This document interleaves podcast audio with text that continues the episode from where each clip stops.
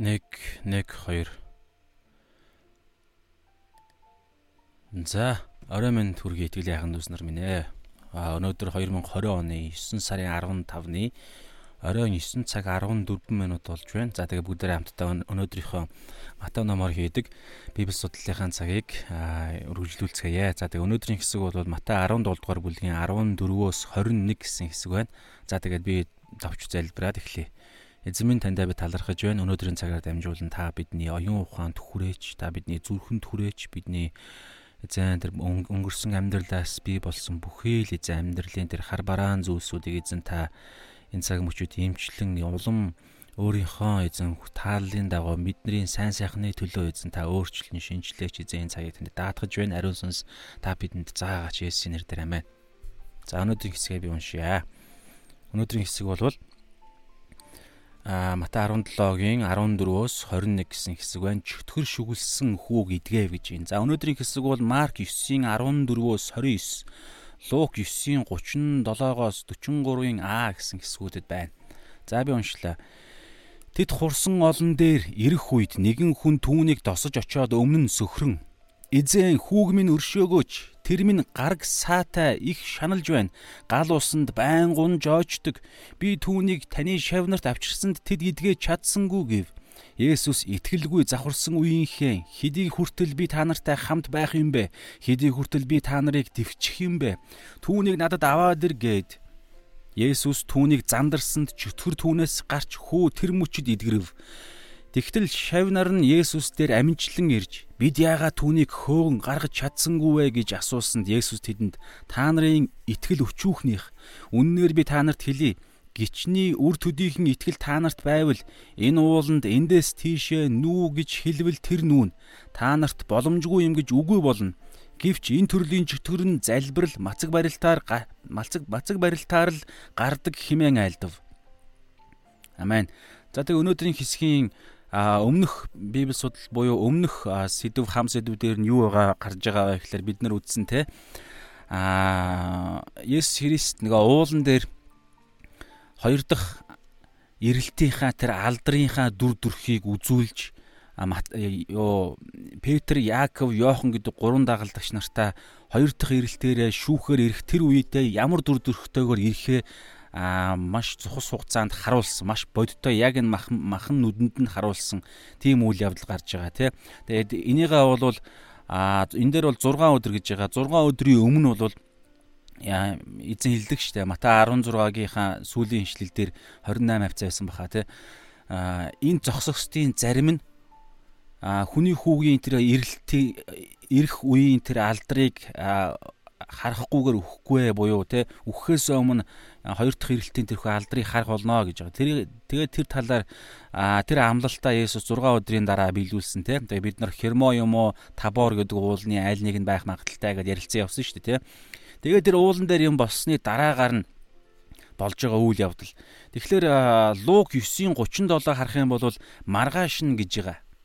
Тэгэхээр энэ өнөөдөр энэ болж байгаа энэ чөтгөр шүглсэн хүүг идгээж байгаа энэ үйл явдал сайн мэдээний синоптик гэж байгаа гурван Матай, Марк, Лук гурван номон дээр гурван дээр нь гарч байгаа. Тэм учраас ингээд аль альнаас нь аваад тэгээд нэг цогц түүхийг бүгдээрээ ойлгохыг хичээгээд явах юм байгаа юм шүү.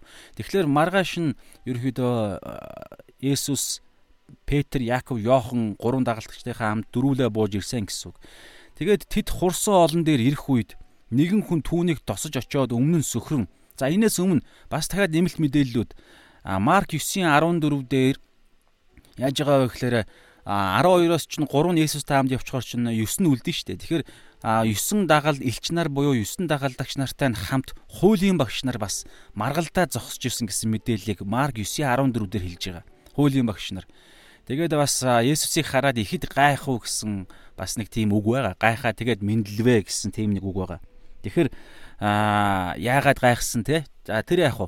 Миний бодлоор бол мэдээж бас те тэр хөө алдрын дүр төрхтэйгээр бууж ирсэн тэр царайнд нь өөрчлөлт байсан уу эсвэл аа өөр бол би айхтар судалсангүй өөр тамаг таамаг төвшүүлсэн хүнийг за тэр бол нэг чухал биш байх гэж бодож байна. Гол нь өнөөдрийн хэсэг маш чухал зүйлээ бүгдээрээ тэрэн дээрээ төвлөрөөд явъя. Тэгэхээр ямар ч үсэн гэсэн хуулийн багш нар байсан гэсэн үг шүү. Маргалдаж исэн.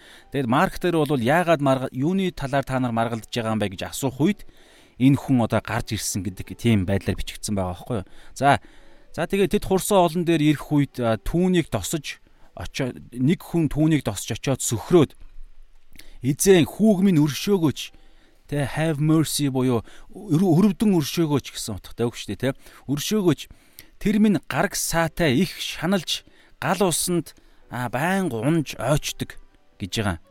1 2.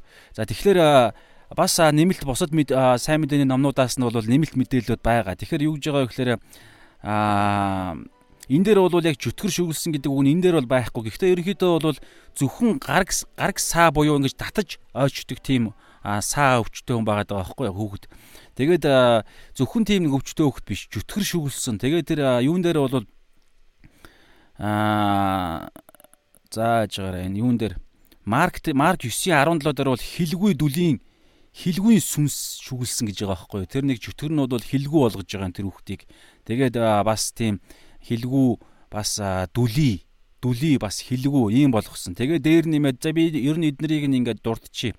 Татаж ундаг өвчтэй маш их зов чаналж гинэ гэж байгаа. Тэгээ галанд баян баян үе үе баян баян галанд очичдаг. Нэг бол ус руу яваад орчдөг. Нэг бол гал руу гүгээд орчдөг. Тэгээ дараагаар нь бид нэр бас харж байгаа. Дараагаар нь бас Иесус асуудаг хүүч нь ийм хэр удаа ингэж өвдөж байгаа юм бэ гэж асууж байгаа. Одоо энэ дээр аа эцэг зааж байгаарай. Одоо энэ юун дээр хід дээр байла. Итгэлгүй завхарсан үеийнхээ эрх мэдэл зааж байгаарай хөө. Эцэг хэрв та За ерөнхийдөө бол аян дээр байна. Марк 9:21-с 22 дээр Есүс яг ерөнхийдөө ингэж байгаа нөгөө энд тэ тэр чөтгөр шүглсэн тэр хүүхэд саа татдаг өвчтэй хилгүүд үлий тэр хүүхэд Есүсийг ингээ харсан чинь шууд Есүсийн өмнө бас шууд унаад аа яаж байгаа анаас нь хөөс сахраад орилоод тэ таталт үүсгээд иймэрхүү дүүдэрх байгаа. Энийг харангуутлаа бас марк дээр бол бас асууж байгаа Есүс хэр удаа юм байсан бэ? Тэгээ нөхөн эцэг нь бол багаасаа юм байсан. Жүтгэр хүүг минь өхүүлэх гэж өхүүлэх зорилготойгоор гал усанд бүр багаас нь өдийг хүртэл ингэж өхүүлэхийн тулд гал усанд оруулдаг байсан гэдэг ийм бас зүйл ярьж байгаа. Тэгээд энэ хүүг энэ хүний цорын ганц хүүн байгаа. Бас луктаар бол энэ бичигдсэн байгаа. Тэгээд гинэт орилоо чарлаад амнаас нь хөөс сахардаг хилгүүн сүнс гэж байгаа те жүтгэр газар шидэж хөөс шүдэ хавирч хөсчөгдөг гээл ерөөдөө нэг иймэрхүү маш хүнд зүйлийг ярьж байгаа байхгүй. Тэгээд 16 дээр би түүнийг таны шавнарт авчирсанд тэд эдгэж чадсангүй гэж байна За энийг энийг юунаас Есүс сонсон гутла 17 дээр Есүс итгэлгүй завхарсан үеийнхээ хэдий хүртэл би та нартай хамт байх юм бэ? Хэдий хүртэл би та нарыг төвчих юм бэ? Түүнийг надад аваад ир гэд. Тэгээд ерөнхийдөө ирэх үед саяны үйл явдал болж байгаа. Өмнө нь шууд таталт үүсгээд ингээд чөтгөр нь эзэмдэж байгаа. Тэгээд сая асуухад бол багаас нь юм байцсан ингээд гал усанд оруулдгаа гэд. Тэгээд тийм учраас юун дээр Есүс одоо зэмлээд идгэн. Тэрнээс наан бүгдээр нэг зүйлийг санах нэг зүйлийг ойлгох хэрэгтэй байна л да. Юу гэхээр а 16 дээр ингэж штэ би түүнийг таны шавнарт авчирсанд тэд эдгэж чадсангүй дараагаар нь 19-с харах юм бол тэгтэл шавнар нь Есүс дээр аминчлан ирж бид яагаад түүнийг хөөж гаргаж чадсангүй вэ гэж асуусан. Тэгэхээр Матай 10 дугаар бүлэг бол Есүс Есүс 12 элч нараас сонгоод тэгээд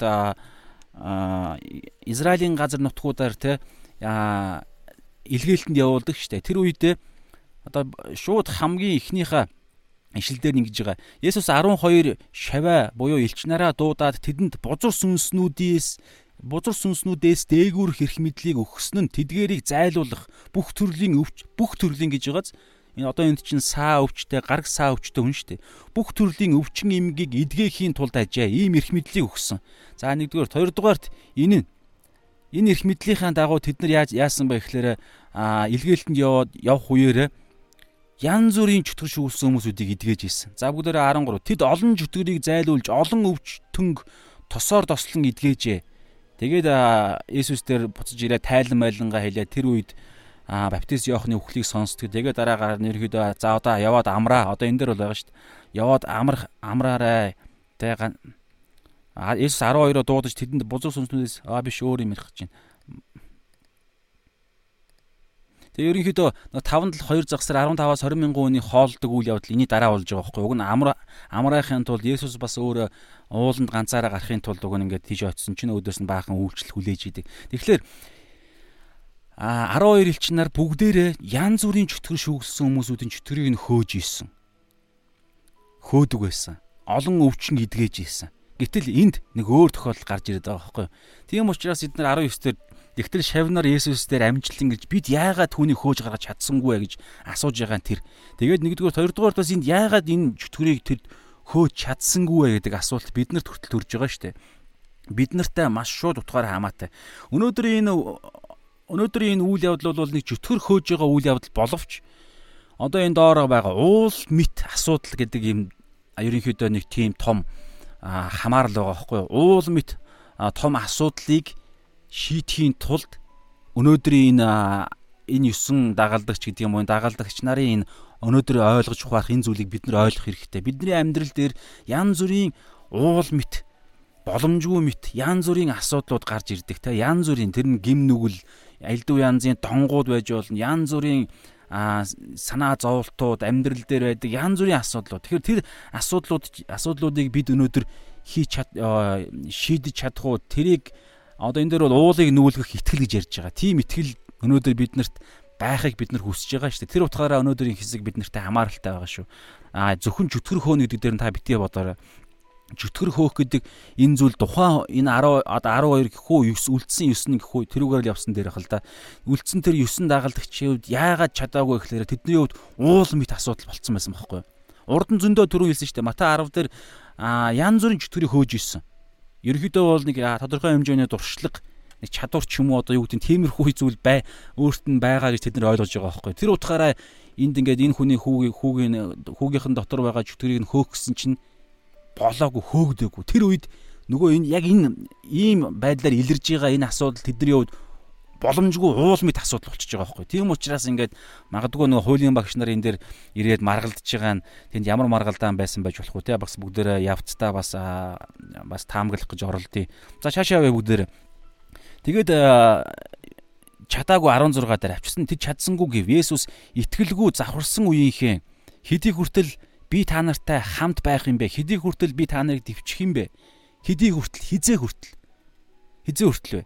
Ерөнхийдөө ерөнхийдөө бол ингээд судалж байхад судалгаанаас бол ойролцоогоор жил хүрэхгүй хугацааны дараа алгасал баяраар Есүс өгөх байхгүй юу? Тэгээд нэг дараагаар ойролцоогоор 40 хоногийн хоногийн дараа ерөнхийдөө дээш өргөгдөж байгаа гэсэн нэг баримжаа байгаа шүү дээ. Тэгэхээр жил орчим хугацааны дараа Есүс Христ дээшээ өргөгдөөд эднэрд эдний хажууд тэд нарыг дэвчих, дэвчиж тэднэрт а тэдний чадаагүй зүйлийг нь өмнөөс нь аюудын чадаж чадаж өгч зааж харуулах энэ цаг нь маш богинохон байгаа. Хэдий хүртэл би та нарыг те та нартай хамт байх вэ? Өнгөрсөн одоо энэ хоёр орчим баг хоёр гарan гэдэг юм уу тийм жилийн хугацаанд асар асар олон Есүс чөтгөрийг хөөсөн. Матай 13 дээр гарч байгаа, Матай биш Матай 12 дээр гарч байгаа, Матай 9 дээр гарч байгаа хилгүү дүлий гэдэг нөгөө нэг хоёр орц бүрэлдсэн чөтгөрийг хөөхөд маш хэцүү байдаг ийм тохиолдол байдаггүй байдаггүй гэл раби нар чинь маш тийм Израильчууд хүртэл ийм тохиолдол байгаагүйгээд Есүсийг Матай 9 дээр бол Израильд бид ийм хизээж харсангүй. Матай 12 дээр бол энэ Давидын хүү биш үү гэдэг иймэрхүү дүгнэлт хийж байгаа. Тийм онцгой тохиолдлыг тэд нар харсан байгааз Матай 9 Матай 12 дээр тэр утгаараа энд хуулийн багш нар ч гэсэн энэ хүнийг хараад магадгүй энэ хүү чинь хилгүй юм байна хилгүй юм байна те жүтгэр жүтгэр шүглцсэн юм байна. Ийм хүн яалагаж юу жүтгэрийг хөөж болдсон боломжгүй гэж хэрэлдсэн үү маргалдаж ийсэн үү эсвэл те танаа хүч чинь баг те худлаа юм байна штэ хөөж чадахгүй байна штэ гэж маргалцсан уу мэдэхгүй. Ямар ч байсан маргаан байсан маргаж исэн гэж түрүүн марк дээр баха гарсан те. Мм тий. Марк 9:14 дээр. За тэгэхээр Энэ мэдчлэн Есүс 2 2 гаруй жилийн хугацаанд асар олноор асар олон тохиолдолд Есүс янз бүрийн чөтгөр шүглсэн үнийг чөтгөрийг нь хөөж байгааг харсан. Тэгэхээр Есүс бол чадахгүй гэдэгдээ тэд нар бол Есүсийг ямар ч төрлийн чөтгөрийг хөөж чадна гэдэгдээ тэд нар итгэл байсан. гэж би харж угаасаа байсан. Тэнд итгэлгүй байгаа юм биш. Одоо энэ дээр хэлж байгаа шүү дээ. Хэдий хүртэлтэй би та нарыг та нартай хамт байж хэдий хүртэл би та нарыг төвчих юм бэ гэдэг өмнө нь итгэлгүй завхарсан үеийнхээ. Тэгэхээр энэ итгэлгүй байдалд яагаад орчвоо гэхлээр Есүсийн Есүст итгэж итгэхгүй байгаадаа биш гэж анзаарэгдэж байгаа байхгүй юу. Харин Ес Мата 10 дээр эрх мэдлийг өгсөн шүү дээ дагалдагч нарт. Тэгээд тэд нар өөрсдөд нь өгсөн тэр эрх мэдэл өөрсдийнхөө тэр одоо юу гэдэг юм ерөнхийдөө одоо энэ За доошоо гарахаар ерөнхийдөө анзаарагд нөгөө нөгөө гिचний үр гэдэг дээр ярихад илүү дэлгэрэнгүй ярих юм байна. Тэр үед нь бүгдээр хамтдаа үзье. Ямар ч үсэн гэсэн Есүст итгэх итгэлгүй байсан гэдэг дээр бол нэг тиймэрхүү дүгнэлт хийгээд ими байх гэж бодож байгаа. Энд бол бид нар өмнө зөндөө юм болсон. Эсвэл магадгүй тийм байсан уу яасан уу те. Ямар ч байсан магадгүй бас тийм тохиолдол байж болно. Есүс яг энэ тохиолдолд маш онцгой тохиолдол гараад ирлээ те. А Есүс биднэр эрх мэдлээ өгсөн. Есүсийн эрх мэдлээр нь бид нар энэ хүний чөтгөрийг хөөгсөн чинь хөөгдөхгүй байна. Тэгэхээр энэ тохиолдолд а Есүсийн эрх мэдлээс давсан нэг чөтгөр гаад ирж байгаа юм шүү. Есүс бидний энэ одоо энэ эзэн месиа гэд месиа гэж итгэж байгаа энэ эзэнд маань тийм Мата 16-гийн 16 дээр Петрийн тунгалаар бол та бол Христ амьд бурхны хүү гэж байгаа шүү дээ. Месиа амьд бурхны хүү. Тэгэхээр тэд нар бүгдээрээ Есүсийг месиа гэдгийг мэдж байгаа, үхнэ гэдгийг нас мэдж байгаа. Тэгэхээр нэг иймэрхүү үед болж байгаа үйл явдал байхгүй магадгүй тэнд нэг тийм янз бүрийн дотор нь эргэлзээ үүссэн байсан уугүй юу те янз бүрийн байж болно. Ямар ч үсэн гэсэн энд бол тэд нар итгэлгүй байсан гэж Есүс хэлж байгаа. За цаашаа ингэж үзэхээр илүү тодорхой болно гэсэн үг. За тэгэхээр итгэлгүй завхарсан үеийнхэн гэж байгаа. А энэ дээр би нэг ганц юм товчхон хэлэх гэж оролдъё. Ерөнхийдөө бол завхарсан үе, итгэлгүй үе гэдэг дээр үе гэж яагаад хэлдэг вэ гэхээр Есүс энэ дэлхий дээр бурхан а бурхан өөрөө хүн болж ирээд ирсэн тэр түүхэн цаг үе бол яг Иесусийн амьдарж байгаа энэ цаг үе шүү дээ. Тэгээ Иесус өөрийнхөө амьдарж байгаа энэ цаг үедээ Тэнгэрийн хаанчлалын төгс үгийг хэлсэн төгс гайхамшгууд буюу үйлдэлийг тэмдгүүдийг үзүүлж итгэхэд хангалттай бүх юмыг үзүүлсэн мөртлөө хариу үйлдэл нь итгэхгүй гимшихгүй үед Иесус дандаа ингэж хэлдэг. Итгэлгүй завхарсан үеийнхээ, завхаа үеийнхээ, гажуудсан үеийнхээ тэ та нар золгүй ээ гих мэтчлээ ингэж ярьдаг. Яагаад вэ гэхээр хамгийн бест тэр юуг а илчлэлтийг өгөөд байхад. Тийм учраас энэ үгийг та ингэж ойлгоход болно шүү. За тэгээд цаашаа явъя. Тэгэнгүүтлээ түүнээ аваад ир гэсэн. За тэгээд авчирсан. Тэгээд Есүс Христ шууд а тэ үгээрээ тэ хилгүү дүлийн сүнсээ түүнийг орох дахиж хизээч битгий ор гэж хэлж байгаа. Бусад сайн мэдэн дээр бол Есүс түүнийг зандарсанд чөтгөр түүнээс гарч тэр хүү тэр мөчөд эдгэрв. За ямар ч үсэн эдгэрчж байгаа. Тэгээд бусад сайн мэдээг анзаарах юм бол яаж байгаа вэ гэхээр аа нэг тиймэрхүү аа гарсныхан дараа нь хөдөлгөөнгүй байгаа хараад хүмүүс яадаг бас те өвгцэн өвгцэн байна гэж боддог. Зарим нь ярьдаг. Тэр үед Есүс гараараа бариад босгодог. Тэгээ эцэгт нь аваачж өгдөг. Ямар ч үс ингэ эдгэрчж байгаа. За тэгэд одоо 19-с Тэгтэл шавнар нь Есүс дээр аминчлан ирж Энэ нэг айлд орж байгаа ерөнхийдөө бусад сайн мэдээ анзаарах юм бол за тэрний яг аа аминчлан ирж бид яагаад түүнийг хөөж гаргаж чадсангүй? Өнөөдрийн гол ишлэл бол 20 дугаар ишлэл шүү. Бүгдээрээ тийшээ төгч чинь одоо юу ч гэсэн нөхцөл байдлыг нь ойлгож байгаа шүү. Аа бид яагаад түүнийг хөөж гаргаж чадсангүй гэж асуусанд Есүс тэдэнд за одоо эндээс эхэлж байгаа. За би энд нэг ганц нэг марцсан юм байна уу? Анзааръя тэгингээ нэг кофега балгачих хөөөрт ирэх чөтгөртэй газар унаад ингэсэн. Аа тий. Марк дээр бас нэг ийм үг байгаа байхгүй юу? Аа Марк дээр өнөөдөр Матай үзэж байгаа шүү дээ. Эцэг эцэг нь ингэж хэлсэн. Есүст ингэж хэлсэн. Хэрв та хэрв та юу ч хийж чаддаг чад бишээ. Хэрв та юу ч хийж чадвал чаддаг чаддаг бол хүүг минь эдгээгээч гэж хэлдэг. За Есүс дараагийн ишлэл дээр нь юу гэж хариулдаг вэ гэхээр чаддаг бол гэсэн үү? Итгэдэгд нь итгэх итгэд итгэхт нь бүх юм боломжтой гэж байгаа байхгүй. Тэгсэн чинь хариуд нь хин эцэг нь итгэж би итгэж байна гэснээ итгэлгүй байдалд минь туслаач гэж байгаа. Итгэж байна гэсэн мөртлөө итгэлдэггүй итгэлгүй байдалд минь туслаач гэж чаралсан орилсон гэж байгаа байхгүй. Тэгэхээр иймэрхүү төрлийн эргэлзээ юу гэдэг итгэж чадахгүй байдалд бол эзэн маш нээлттэй ханддаг шүү. А харин тодорхой итгэх юмуд нь өмнө гарч ирээд өөрийгөө эзэн батлаад те гайхамшиг тэмдгүүдээ гуйлтанд хариулдаг ч юм уу өксөөр байтал хэрэг хин нэгэн хүн эргэлзэж байгаа итгэж чадахгүй байх итгэхэд хангалттай мэдээлэл байхгүй байх гэдэг юм уу иймэрхүү янз бүрийн шалтгаан хэлж явал тэр үед эзэн яаж яад юу гэдэг вэ гэхээр бид нар Йохан дээр үтсэн штэ. Бид хангалттай хэлсэн харин та нар бол миний хонин сүрэг биш учраас надад итгэдэггүй гэд Йохан дээр бол хэлж байгаа штэ.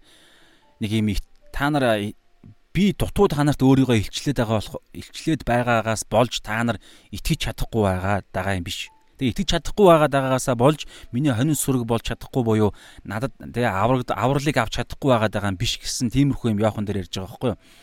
Харин гол юм нь тэд нар өөрөө зүрх сэтгэл зүрх сэтгэлийнх нь хатуу байдал, бардан байдал аа тэр Библи Есүсийн сайн мэдээг Есүсийг ингэ шүүсэн байдал дээрээс ингэж доош нь буруудахсан ингэж хардсан сэрдсэн байдал нь.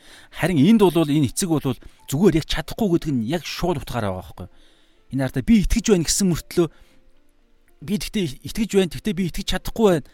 Юу гэдэг а итгэхийг хүсэж гин гэдэг юм уу та? Итгэж гин тэгтээ миний итгэл яг энэ гайхамшигыг хийхэд дангаараа чадахгүй надад тийм бол юу гэдэг чадахгүй байхаа та надад туслаач. Чадах хэмжээний тэр итгэлийг өгөөч гэдэг юм уу? Иймэрхүү нөгөө Мата 5:13 дээр хэлдэг сүнсэндээ ядуу буюу тэр би би дангаараа би энэ тэ энэ зүйлийг би болгох итгэл надад би бол чадахгүй надад туслаач гэдэг байдал.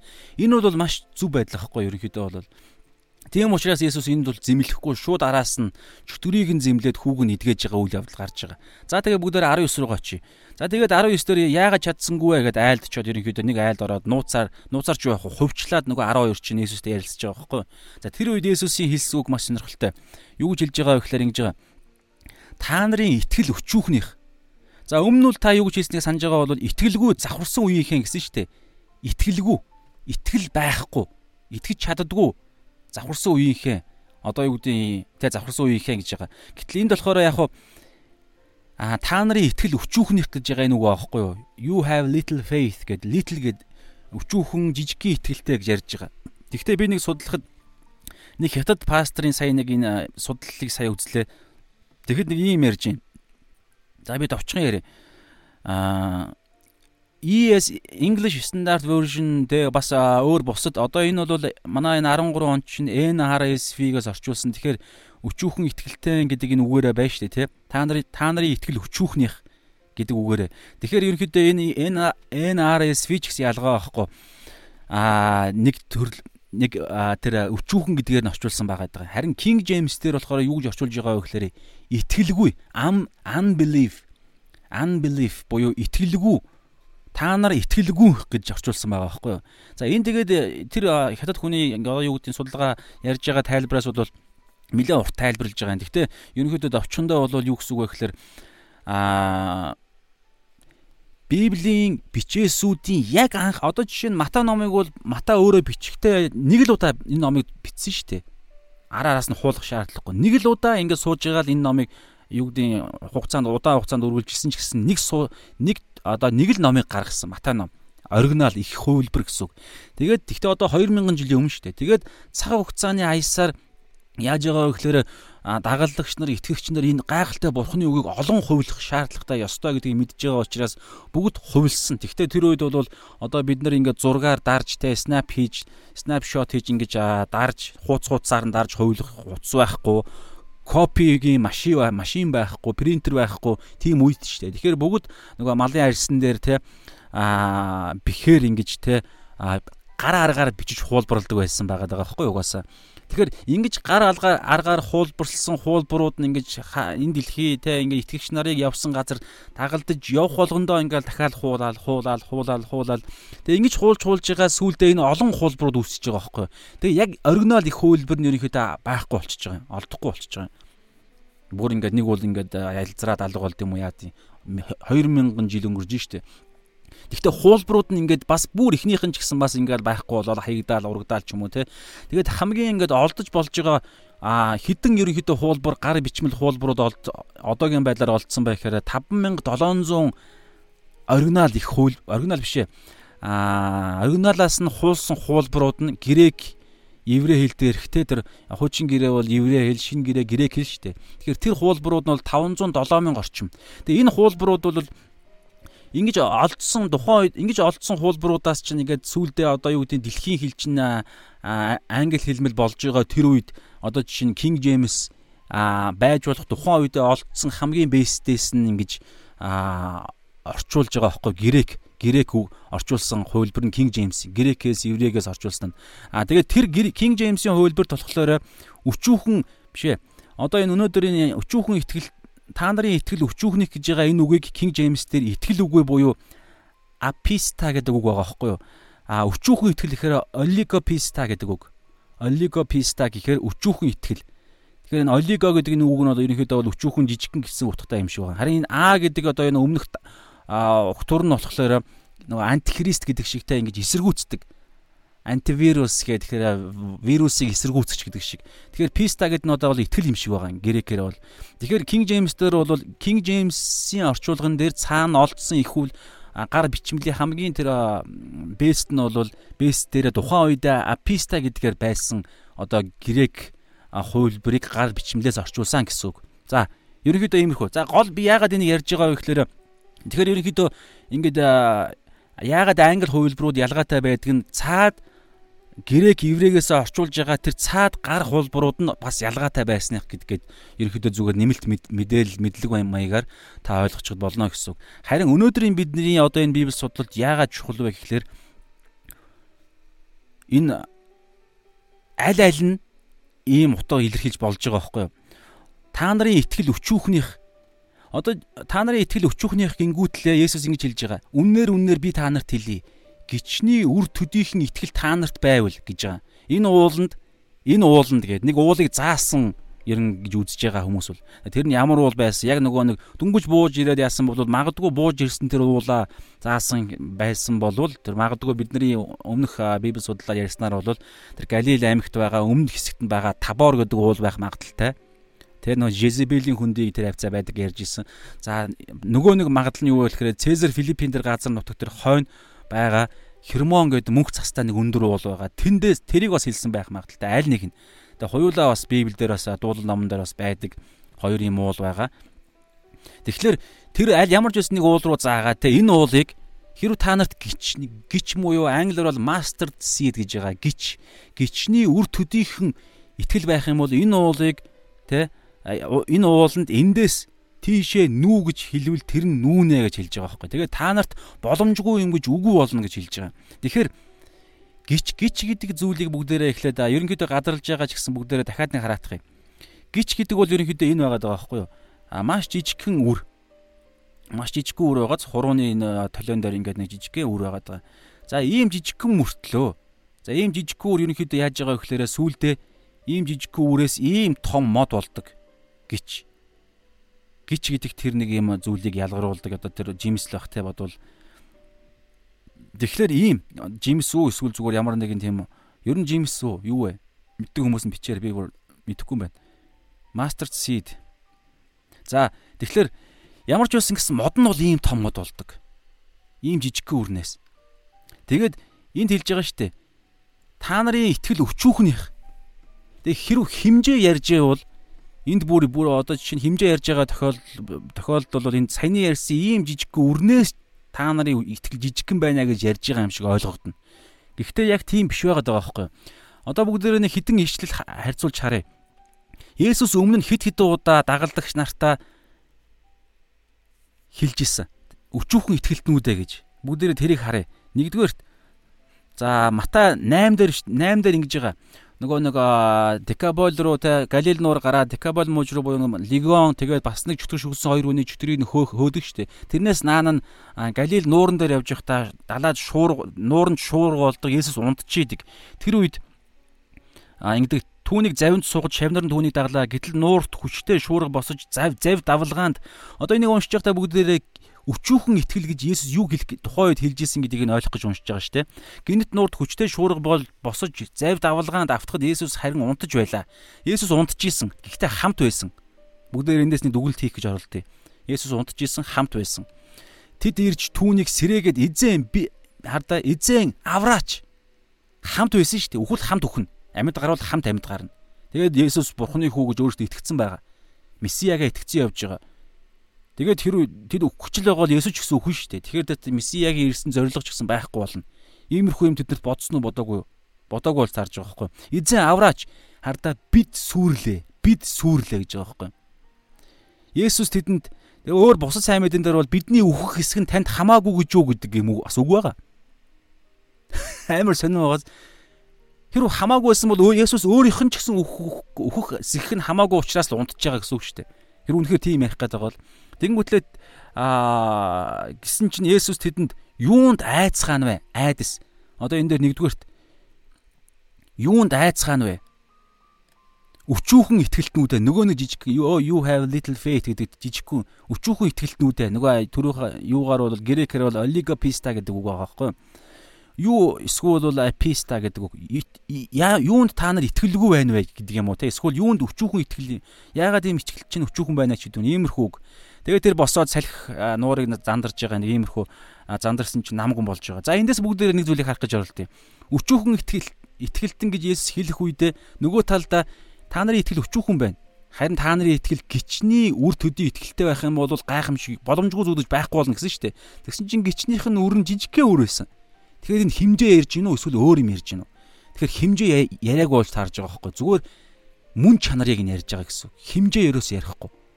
За тэгвэл а өчүүхэн итгэлтнүүдээ гэж энэ ихний тохиолдол Матай 8:25-аас 26 дээр бүгдээрээ ямар итгэлийг Есүс өчүүхэн юм уу эсвэл итгэлгүй түрүүн хэлсэн шүү дээ. King James дээр бол epista гэж цаад их хөлбөр нь их хөлбөр гэхээс илүүгээр цаад грек гар бичмэл дээр нь байсан. За тэгэхээр нэгдүгээрт миний анзаарж байгаагаар бол Есүсийг бүрэн таниагүй байсан. Юу гэсэн үг вэ? Гэхдээ шуурга намдаах чадaltaй юу үгүй юу гэдгийг нэгдүгээр магадгүй зүгээр. А эсвэл Есүс тэр унтчихсэн шүү дээ. Аа тэгэд хувэ одоо юу гэдэм бэ? Бүрэн таниагүй байсан. Ер нь бол ингээ анзаарах юм бол одоо энэ дараагийн тохиолдлуудаар ч гэсэн ялгаа байхгүй. Есүсийг яг хэн гэдгийг нь бүрэн таниагүй байснаас болж тэдний итгэл нь өчүүхэн гэж хэлэхээс хэлж болж байгаа эсвэл яг тэр тухайн нөхцөл байдал дээр итгэлгүй байсан гэсэн үг байхгүй юу? Тэр утгаараа би King James би ч яг тэр нэг хятад паста яриад байгаа. Олиго писта юм уу писта гэх тэр өчүүхэн итгэл итгэлгүй гэдгийг тэнцүү үзэж байгаа байхгүй юу? Есүс бол өчүүхэн итгэл гэж хэлснээрээ цаагаараа бол итгэлгүй гэж хэлж байгаа шууд. Химжээ яриаггүй учраас. Яагаад вэ гэхээр гичний үр чинь бүр жижиг гин штэ. Тэгэхээр тиймэрхүү юм ярьж байна гэсэн. Тэгэхээр нэгдүгээрт эхний тохиолдолд бүгдээрээ дүгнэлт өнөөдөр бидний амьдралд а байж болох тийм эрсдэлтэй итгэл ямар итгэл байх байх боломжтой явж иж явж иж байх магадaltaй байх гэхээр Есүсийг яг ямар чадвар чадвартай гэдгийг нь мдээгүй итгэл. Хэрвээ тийм байх юм бол за Есүс бол ингэж чадна. За жишээ нь бол итгэсэн хүмүүсүүдийг аварч чадна. Миний бодлоор ямар ч итгэвч хүн мэдж байгаа бах. Гэхдээ өнөөдөр Есүс намайг энэ нөхцөл байдал дээр Есүс энэ асуудлыг шийдэж чадахгүй гэдгийг бид нар яг мэдхүү. Хэрвээ тэр энэ дээр бид нар Есүсийг таньж мдээгүй байх юм бол яг энэ тухайн нөхцөл дээр хэдийгээр Бурхны хүү аврагч гэж итгэж байгаа ч гэсэн яг энэ нөхцөл байдал дээр итгэхгүй гэсэн үг байхгүй юу? Тэр утгаараа өчүүгүй итгэл гэж Есүс яриад байгаа. Итгэхгүй яг энэ талбар дээр. Яагаад өчүүхэн гэхээр дутуу итгэл. Бүрэн боловсроогүй итгэх юм уу? Эсвэл бол дутуу итгэл эсвэл өөрийнхөө ойлголтын дээр түшгэлсэн итгэл гэдгээр явж байгаа шүү. За хоёрдугаарт хамт байгаа Есүстэй хамт байгаа мөртлөө айж байгаа. Айж байгаа. Тэгээд өөрийгөө л бодож байгаа зөвхөн дагалдагч нар. Бид өөхөх нь танд хамаагүй юу? Бид өглөө штэ. Биднийг авраач. Гэтэл нэг завин дээр хамт явж байгаа штэ. Эзэн минь ээ та өөхөхөд одоо баг те эзэн юу аюул ирлээ штэ. Та аюулд орлоо гэж хэлээгүй. Бид бид гэж ярьж байгаа байхгүй. Тэгэхээр хуваа хичээсэн итгэл, хуваа хичээсэн тэр бодлоос гарж байгаа аа тэр нэг хариу үйлдэл бурханд үйлдэж бурханд үзүүлж байгаа хариу үйлдэл чинь өчүүхэн итгэл болж байгаа хгүй эсвэл итгэлгүй байдал гэдэг дээр нь яриул илүү зүгээр тэр нь гэхдээ нөгөө нэг авралын итгэлтэй байс юу гэдэг нь аврагдсан итгэлтэй мөртлөө зарим тохиолдлууд дээр итгэлгүй бид нар зан гаргадаг гэдгээр яриад байгаа шүү. За хоёр дахь тохиолдол Матай 14 дээр аа Есүс нөгөө нэг усан дээр Петр усан дээр алхадаг штэ. Тэр үед Петрт хэлсэн үг Харин Петр ширүүн салхи хараад айн живж наан нь усан дээр алхсан шүү Петр. Милээ хидэд алхсан. Тэгээ алхаа явж исэн мөртлөө харин Петр ширүүн салхийг хараад Есүс рүү хараад алхаа явж исэн. Гэтэл хажуу дэшээ харсан эсвэл мөрнийх нь цаана байгаа давал ширүүн салхи салхич салхич харагдахгүй шүү дээ. Тэгвэл салхины үзүүлж байгаа нөлөө нь харагддаг. Эн чин давлгаа дээр далай дээр нууран дээр болж байгаа үйл явдал учраас давлгааг л харсан гэсэн үг байхгүй юу? Ширүүн салхи гэхээр. Тэгэхээр давлгааг хараад яасан бэ гэхээр айсан дахиад. Тэгээ живж эхэлсэн. Тэгэх үед Есүс шууд аа тэгээ эзэн амаараа намайг авраач гэсэн чи Есүс тэр даруй гараа сунгаа түүнийг зуурсан мөртлөө тэр даруй хэлсэн. Өчүүхэн итгэлт юм байна. Нөгөө үг чинь итгэлгүй итгэлгүй өчүүхэн өчүүхэн нэгнээч гэдэг юм. Бараг ингэж хэлсэн гэсэн. Яагаад вэ гэхээр эсвэл тэ яагаад гэж байгаа вэ гэхээр яг тэр давлгааг хараа давлгааг харах тэр үед Есүст итгэжсэн тэр итгэл нь тэр үед байхгүй болчихж байгаа байхгүй юу? Хоёр юм хараад Есүсийг харж явах амьдрал эсвэл өөр амьдралын зорилгыг харж явах амьдрал. Тэр үед Есүсээс хараагаа өөр тийшээ холдуулах үед бид Есүст итгэх итгэл маань ганхаж эхэлдэг. Тэгээд тодорхой хэмжээнд байхгүй болж эхэлдэг. Тэр үедээ эргэлзээ үүсэж байгаа байхгүй юу? Яагаад эргэлзэж байгаа вэ гэхээр хуйлангийн хүчтэй гэж харж эхэлж байгаа зү. Далайн давлгааг хүртэл. Өнөөдөр ч гэсэн яг л ийм болж байгаа. Одоо энэ юун дээр өнөөдрийн бичээс дээр. Тийм учраас өчүүхөө итгэлтэн гэхээр нэг талаараа өө итгэлгүй нэгнэ гэж хэлж байгаа байхгүй юу? Гэхдээ тэглээгээд өмнө хит хит усан дээр алхсан шүү дээ. Гол нь яг тэр мөчөд тэр тохиолдолд тэрхэн мөчөд итгэлгүй болчихж байгаа байхгүй? Давлаа далаан давлгааг харангуутлаа бодол дотор нь тэр оюун бодол дотор нь юу вэ? Би юу хийж байна? Бодит бодит байдал дээр ийм боломжгүй штэ боломжгүй штэ гэдэг юм эсвэл Есүсийн намайг усан дээр алхуулж байгаа энэ хүч чинь хүчнээс илүү цаан ч байгаа далайн давлгааны хүч илүү бодиттой штэ гэдэг юм уу? Иймэрхүү байдалд орох үед Есүсийн энд алхуулж байгаа энэ хүчинд итгэхгүй болчихж байгаа байхгүй. Тэгээд эргэлзэж эргэлзэх гэдэг энэ хоёр санаа гаргах эргэлзэх гэдэг энэ үйлдэл чинь гарч ирэх үед шууд живж байгаа. Итгэл нь байхгүй болсон учраас нөгөө нэг өөрийнх нь итгэсэн тэр бодит байдал нь яг бод биелж эхэлж байгаа байхгүй. Тэгээд юунд итгэлээ? Далаан дагуулга илүү аюултай. Би усан дээр алхах боломжгүй, хүн усан дээр алхах боломжгүй гэдэг бодит байдлыг итгэцсэн учраас Есүсийн алхуулж исэн бодит байдал сүнслэг бодит байдлыг итгээгүй учраас өөрийнх нь сүүл тэрхэн мөчөд сонгосон итгэл нь биелээд өөрийг нь живүүлж байгаа гэсэн иймэрхүү байдлаар. Тэгэхээр эндээс бол Есүсийг хардаггүй, Есүс дээр анхаарлаа тавьдаггүй итгэл бас анхаарлаа тавихгүй байх нь итгэлгүй байдлыг үүсгэнэ гэж хэлж болж байгаа. Тэгээд юуг бодиттой гэж бодит амьдрал юуг бодит байдал гэж үзэх вэ? Яг өнөөдрийн надад мэдрэгдэж байгаа мэдрэмж миний амьдрал болж байгаа үйл явдал яг бодиттой байдал уу эсвэл энэ зүйл маань цаана байгаа жинхэнэ бодиттой байдлын тэ одоо юу гэдэг тэрний төлөө зүгээр байгаа юу ч гэдэг юм уу те янз бүрийн хэрэгжүүлэлт гаргаж болно. Юу нь илүү бодиттой байдал вэ?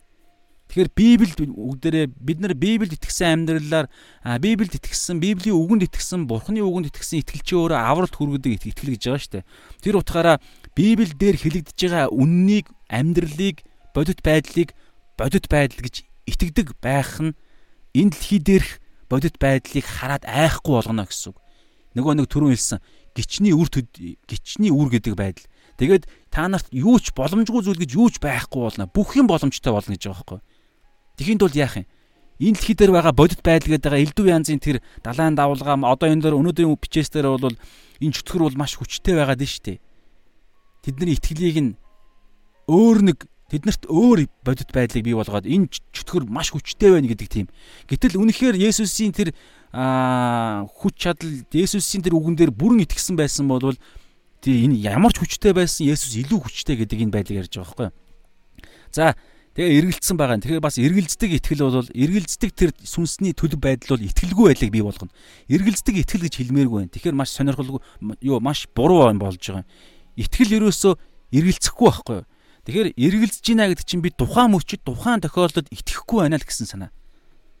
За 3 дахь тохиолдол нь Матай 16 дээр 8 дээр яаж байгаа вэ гэхээр аа за бүгдээр харъя. Завин дээр болж байгаа үйл явдал нөгөө 5 далах зааж байгаараа 18-ыг уншаадах юм. Матай 16-гийн 8. Есүс үүнийг мэдээд өчүүхэн итгэлтнүүдээ дахиад нөгөө өгчин. Та нар юунд талахгүй байгаагаа байгаа байгаагаа дундаа ирэх зүйл нь ярина вэ? Одоо бол та нар ойлгохгүй бас санахгүй байна гэж юу? 5 далахаар 5 мянгууланг нь хооллоход хичнээн сагс цуглуулсан билээ. 12 сагс цуглуулсан те. А бас 7 далахыг 4 4000 гууланд нь хуваагаад хичнээн сагс цуглууллаа. 7 сагс цуглуулдаг те.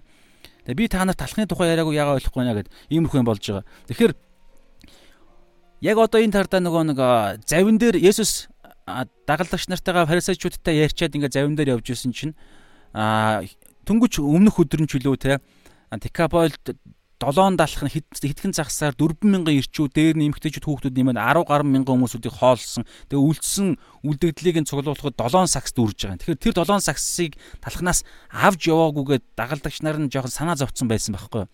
Тухайн үед бичээс дээр байгаа. Тэгээ тэд нар чинь үргэлжлүүлээд цаашаа аялна шүү дээ. Есүсийг өхөн өгтөл аялж явна.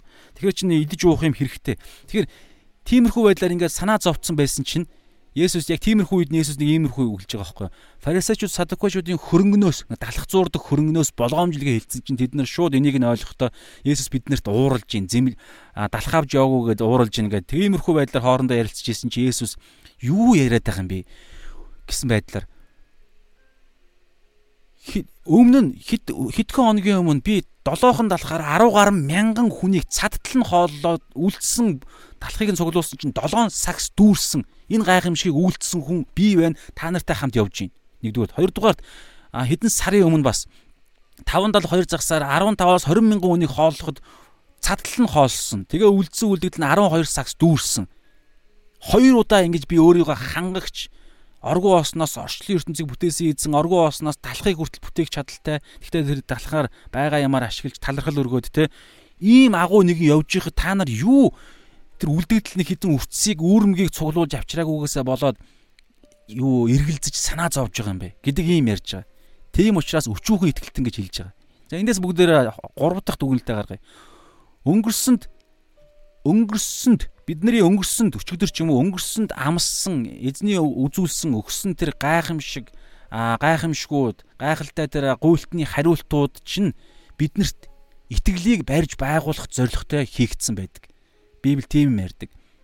Гэвтэл өнгөрснөөсөө суралцж Бурханаа Есүсээ дүгнэлт Христ итгэлээ Тэнгэрийн хаанчлалыг Бурханы хаанчлалыг бидний амьдралд болж байгаа гайхамшигасаа дүгнээд тэгээд тэрүүгээрээ зевсэг болгоод дараагийн яг адилхан нөхцөл байдал ирэх үед санаа зовхгүйгээр цаашаа явах хэрэгтэй байтал өнгөрснөөсөө юу ч сурахгүйгээр яг адилхан нөхцөл байдал ирэхэд дахиад санаа зовж байгаа чинь нөгөө өчүүхэн ихтгэлтэн гэж хэлж байгаа эсвэл бол King James дээр бол ерөнхийдөө ихтгэлгүй нэгнэ гэж хэлсэн гэсэн үг. Яагаад энэ энэ төрөл энэ тохиолдолд та нар итгэхгүй байна? Буюу талахгүй болцсон үед яагаад та нар надад итгэхгүй байгаа юм бэ? Би өмнө нь хоёр удаа талах гайхамшиг талахаар гайхамшиг үлдсэн биз дээ. Яагаад энэ тохиолдолд надад итгэхгүй санаа зовоод байгаа юм бэ? гэдэг иймэрхүү байдал. Тэгэхээр ерөнхийдөө бол овчхондоо өчүүхэн итгэлтэн гэж өнөөдрийн энэ хэсэг дээр зэмлсэн нь саяны ярьсан эдгээр иймэрхүү зан чанартай яг адилхан зан чанарыг сая гаргасан гэсэн үг байхгүй юу? Яагаад? За бүгдээрээ харъя. Тэд бол Есүстэй Месиа гэдэгт итгэж исэн Бурхны хүү. Тэгэхдээ тэр өгсөн эрх мэдэл нь яг энэ тохиолдолд дийлэх нь үү? Эсвэл Есүс яг энэ тохиолдолд яг энэ нэг энэ чөтгөрийн энэ нэг цон тохиолдолтой таарсан шүү дээ эднэр чинь. Хилгүү тэгээд дүлий тэгээд нэг юм татдаг өвчтэй нэг юм өвчнөг өвчнөөр бий болгосон чөтгөр. Гэхдээ уг нь яг л адилхан юу байсан бохоггүй нэг айхтар сүртэй юм биш. Гэхдээ өнөөдөр энэ 21 дээр ишлэгээ харах юм бол гівч энэ төрөл нь төрлийн чөтгөр нь залбирал ба мацаг барилтаар л гардаг хэмээн айлдуугээ тэгж байгаа. Тэгэхээр энийг уншихаар хүмүүс нэг иймэрхүү надад ч гэсэн иймэрхүү мэдрэмж төрж исэн. Яг энэ төрлийнх нь маш онцгой чөтгөр байсан юм шиг. Хэдийгээр одоо энэ энэ 21-р ишлэл ишлэл болвол ESV дээр бол байхгүй байгаа байхгүй юу? King James дээр бол байгаа. Тэгэхээр яг жинхэнэ их бичээстэй ерөөхдөө байхгүй байх магадaltaй. Тийм учраас хаалтанд хийцэн байгаа. Зарим зарим Библиэд энэ ишлэл байхгүй байдаг гэж байгааз. Тэгэхдээ тэглээгээд энэ ишт байхгүй гэж үзэж болохгүй. Яагаад вэ гэхээр арда яг энэ 20 дугаар ишлийн оронд байна шүү дээ, тэ. Хаана вэ гэхлээр аа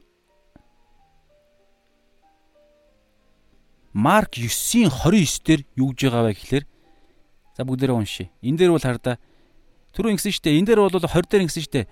Өчүүхэн итгэл та нарын итгэл өчүүхнийх гэсэн шүү дээ, тэ. Гэтэл Марк дээр та нарын итгэл өчүүхнийх гэж хэлдэггүй. Энэ үг нь байхгүй юусоо Оронд нь шал ондоо үг байгаа. За бүгдээрээ харъя. Марк аа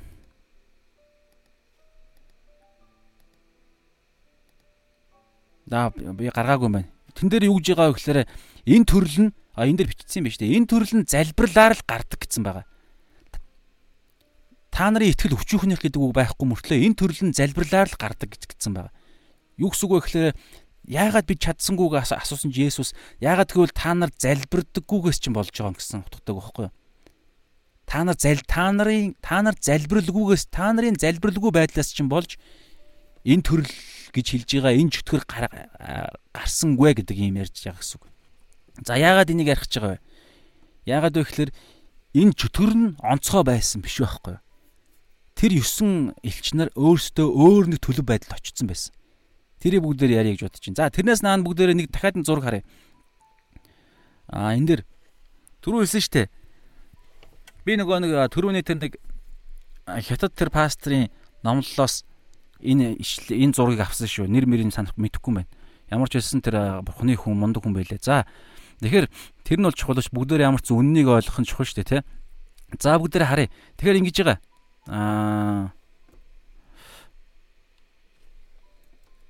юу гэж байгаа вэ гэхээр түрүүн гисэн штэ.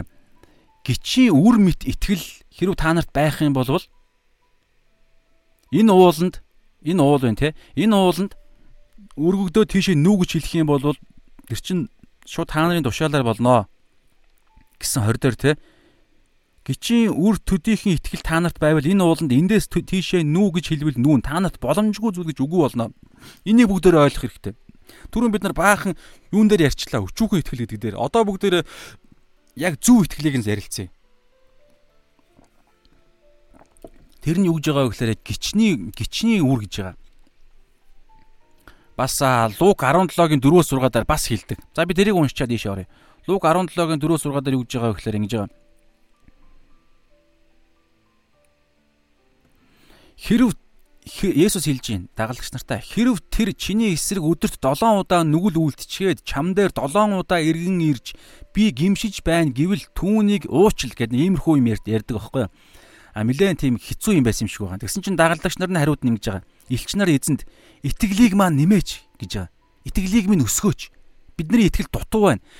Хэрвээ одоо энэ таны хэлсэнтэй бид хин нэг нь миний эсрэг өдөрт 7 удаа нүгэл үйлдвэл 7 долоолонд нь 7 удаа нүгэл үйлдээд чамдаар ирж 7 удаа иргэн ирж би гимшиж байна гэвэл түүнийг уушил гэдэг иймэрхүү хэлсэн чинь тэднэрт амар хэцүү санагдаж байгаа санагдсан байгаа байхгүй. Тэр утгаараа тэд нар биднэрт энийг үйлдэж чадах хэмжээний тэр итгэлийг биднэрт өгөөч.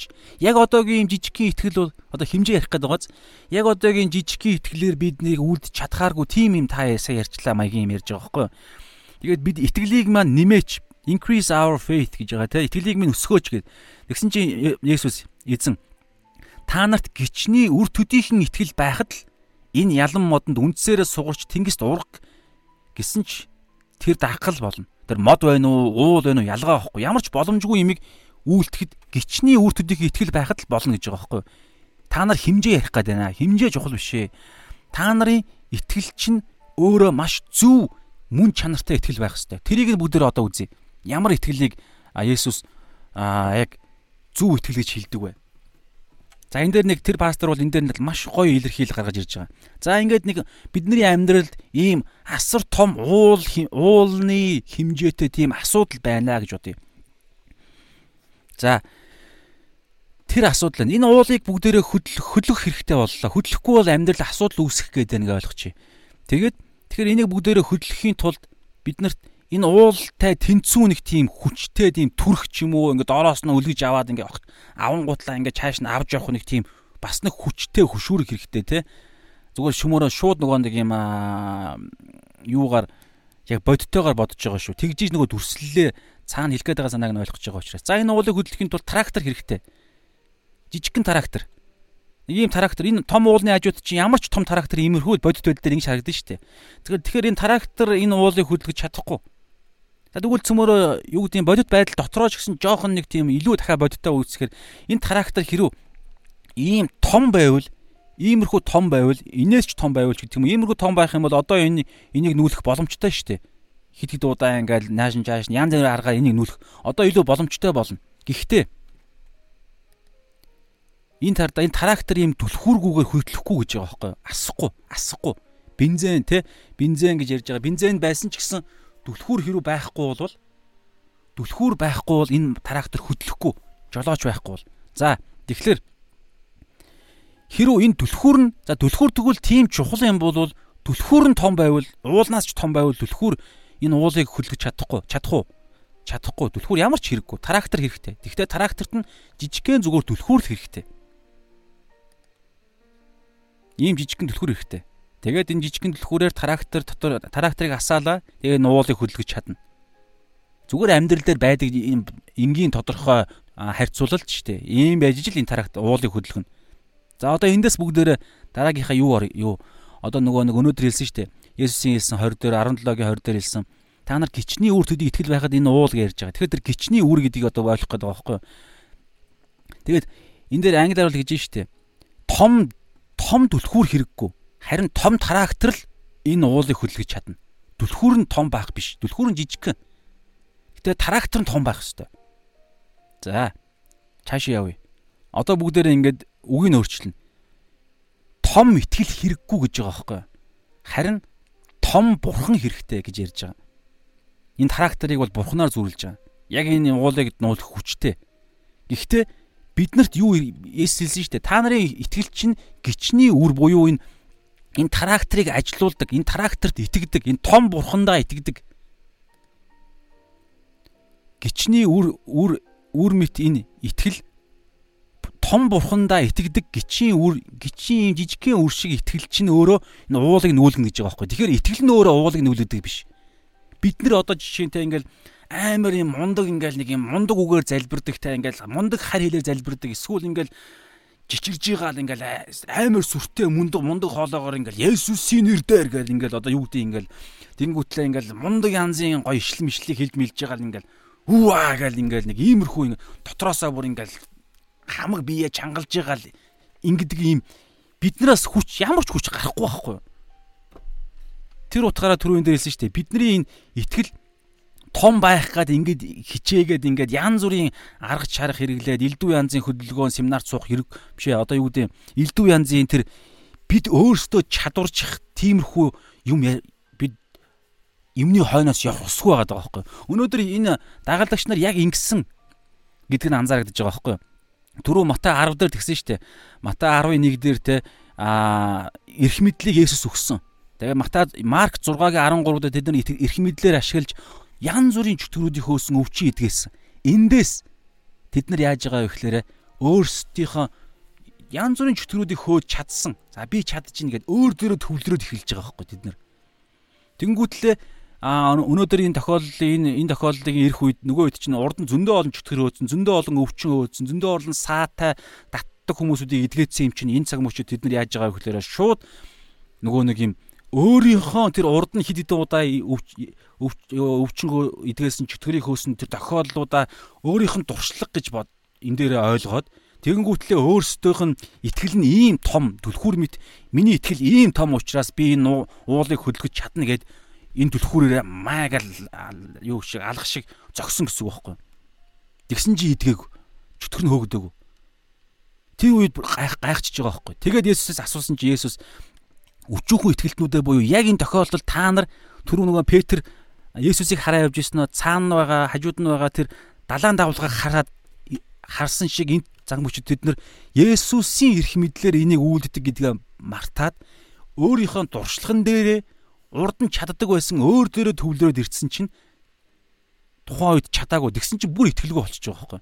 Ягаад тэгэхээр өөр дээрээ бодсон. Бид яагаад чадсангүй вэ? Бид чадваргүй байсан үгүй бид бид бид гэж яриад эхэлж байгаа. Тим хандлага бий болсон гэсэн. Гэтэл бодит байдал дээр угаасаа энэ түлхүүр энийг ямар ч энэ түлхүүр хичнээн том байна уу, жижигхэн байна уу, алтаар хийсэн байна уу?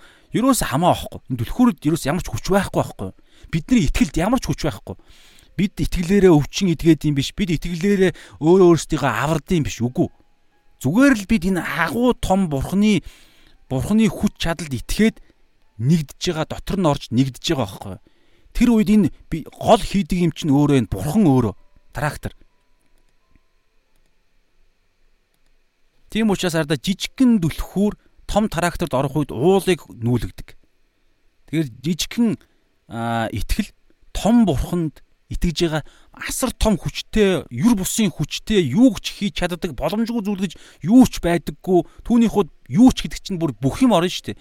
Тэгэхээр бүгдийг хийж чаддаг бурханд итгэж байгаа жижигхэн итгэл байхад л гिचийн үр төдий жижигхэн итгэл байхад л бүх зүйл боломжтой гэж байгаа. Гэхдээ дутуу шүү.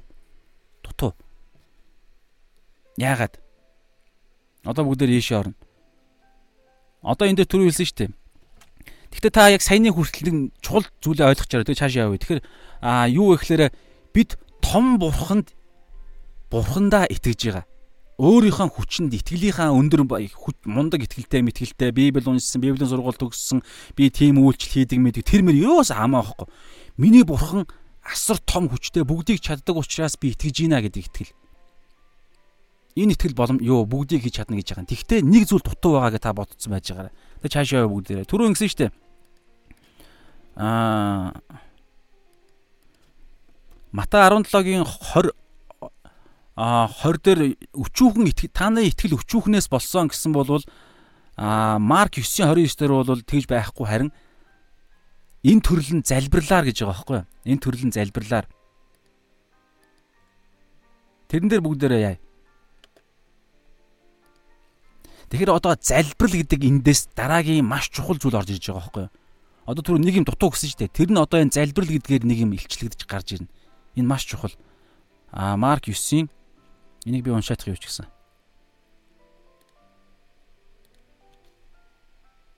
Ма оо за.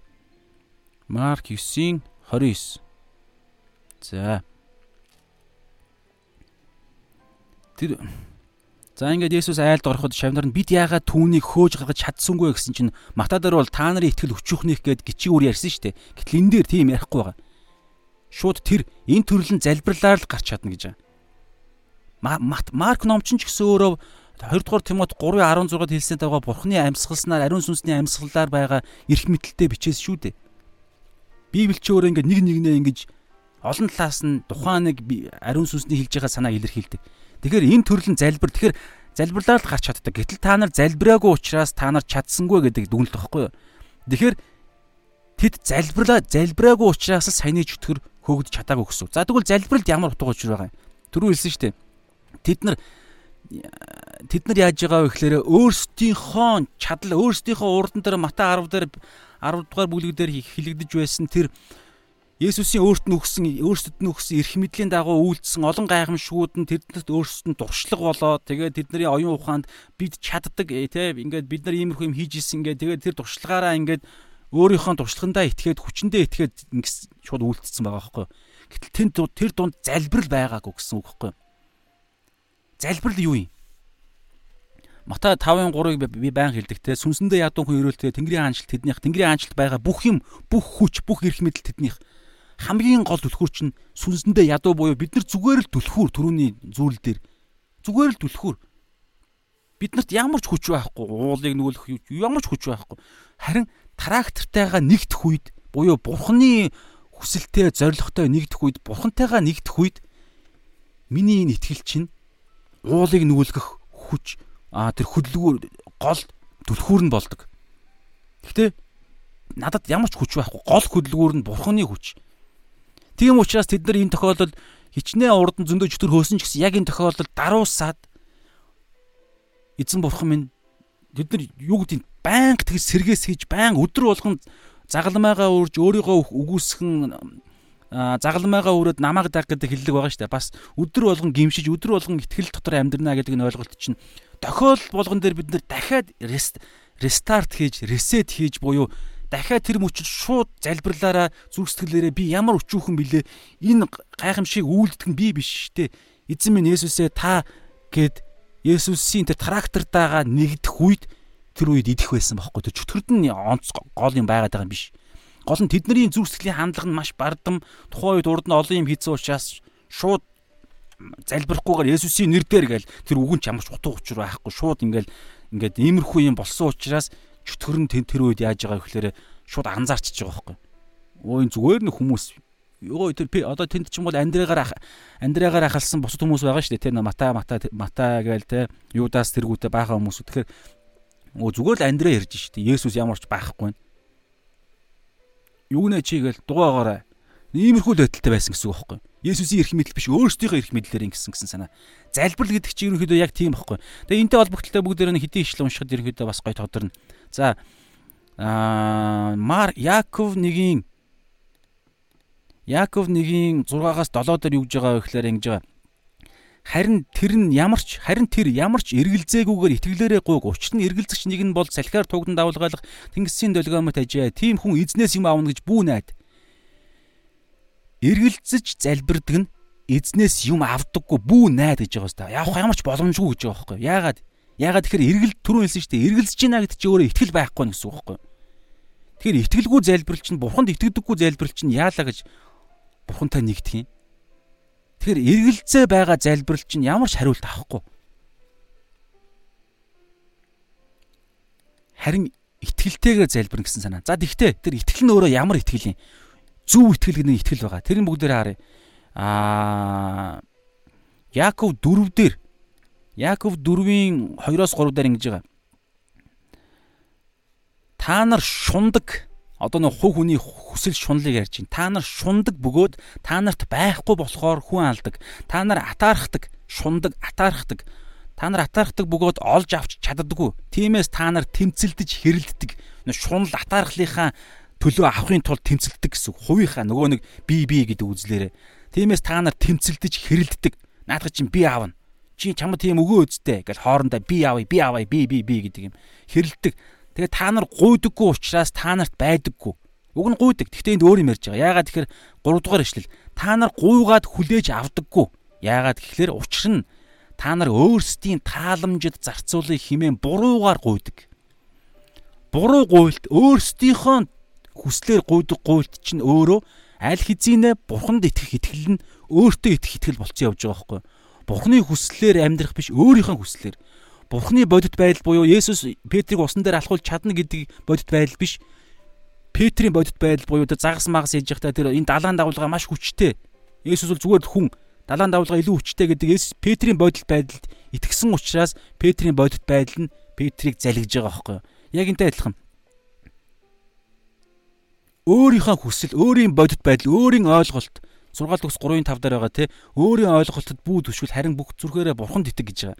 Бурханд итгэхгүй өөртөө итгэхэд өөртөө өөрийнхөө ойлголтоор амьдрч эхлэх юм бол тэр үед бидний гуйлт ч ямар ч хариулт байхгүй бид бурхантай нэгдсэн амьдралаар амьдрахгүй болж эхэлж байгаа байхгүй. Ингээ ирэхээр нэг Мата 7 дээр хэлдэг хоёр эзэн зэрэг үйлчилж бол үйлчлэх боломжгүй гэдэг нөгөө хатун үнэнтэй нүүр тулж эхэлнэ л гэсэн үг. Тэгвэл зөв итгэл нь юу юм? Зөв залбирал нь юу юм? Нэгдүгээр Иохан 5-ын 4-өөс 6 дээр ингэж Бурханаар төрсөн бүхэн зааж байгаараа нэгдүгээр Иохан 5-ын 14-өөс 15. За. Бид түүний хүслийн дагуу юу ч гуйсан. Гол үг түүний хүсэл гэдэг үг. Бурхны хүслийн дагуу юу ч гуйсан, юу ч гуйсан. Энэ чөтгөрийг хөөж хөөсөн ч бай, уулыг нүүлгсэн ч бай, түрүүн ямар мод гэлээ тэр модыг үнцээр нь суглагдаад суглагдаад далаад хаягдж хэлсэн ч бай, юу ч байсан. Юу ч гуйсан тэр биднийг сонсдог нь түүний өмнө бидэнд байгаа итгэл зориг юм а буюу тэр биднийг сонсноо гэдэгт энэ итгэл чинь өөрөө зөв итгэл байхгүй юу? Түүний хүслийн дагуу амьдрах нь, түүний хүслийг үйлдэж амьдрах нь зөв итгэл гэсэн үг. Тэгэхээр гуйлт чинь ийм болж байгаа. Тэгэхээр Бурхны хүслийн дагуух гуйлтыг тэр сонсдог гэдэг энэ үгч нь өнөөдөр бидний амьдралд маш бодиттой түлхүүр түлхүүр ихтгэл واخгүй нэг гичийн үр гэдэг ихтгэл чинь өөрөө энэ. Бурхны хүслийн дагуу нөгөө түрүүн трактор түлхүүр трактор руу түлхүүр ороод тэгээд тэр уулыг хөдлөх тийм хүсэл зоригтой тэр түлхүүр ажиллах гэдэг нь шүү дээ. Тэгвэл тэрнээс наан нь энэ уулыг нүүлэх нь үнэхээр энэ тракт тракторын ч гэдэг юм уу эсвэл яг одоо бодит байдлаар бол бурхны хүсэл яг мөн үү? Биш байвал би ерөөсөө анханасаа ч гоохгүй гэсэн үг байхгүй юу? Ийм хандлага чинь өөрөө нөгөө гिचийн үр буюу үр үр гэдэг тэр итгэл буюу итгэлийн маш зөв хандлага. Тэгэхээр тийм учраас Бурхны хүслийг таньж мэдэх чинь өнөөдөр бидний амьдралын амьдрал дээр амжилтанд хүрэх үгүй юу гэдэгтэй бүх зүйл холбоотой байгаа байхгүй. Тэгэхээр Бурхны хүсэл биш байх юм бол эртнээс шууд тухайн зүйлээ шууд хайж сурах хэрэгтэй. Хуучин хувцаа тайлаад шууд шинэ хувцсыг өмсөөд Эфес 4 дээр Бурхнаар бүтээгдсэн зөвхт байдал, ариун байдал дотор явдаг Бурхнаар бүтээгдсэн шинэ хүнийг өөртөө өмс. Харин амьдралын хуучин хэв маяг хүсэл тачаалын залим ихээр ялзарч байгаа хуучин үнэ тайлаад тэг шин хүнээ өмсгөж байгаа шүү дээ. Тийм учраас Бурхны хүслийг Библи судалгангаа олж мэдэх чинь өнөөдөр бид нар амьдрал дээрээ гуйсан зүйлээ ах уугүй гэдэгтэй шууд холбоотой байгаа байхгүй. Тэгээд тэгэхээр тэгвэл ийм асуудал бас гарч ирж байгаа шүү дээ. Бурхан миний хүсэл дандаа Бурхны хүслээс зөрдгүү. Бид нар Бурхны хүсдэггүй зүйлийг дандаа хүсч явдггүй. Тийм гажирсан хүмүүс үү? Тэгэхээр үгүй шүү дээ. Бурхан бидний хүсдэг бидний хэрэгцээг ч гэсэн бурхан хүсдэг.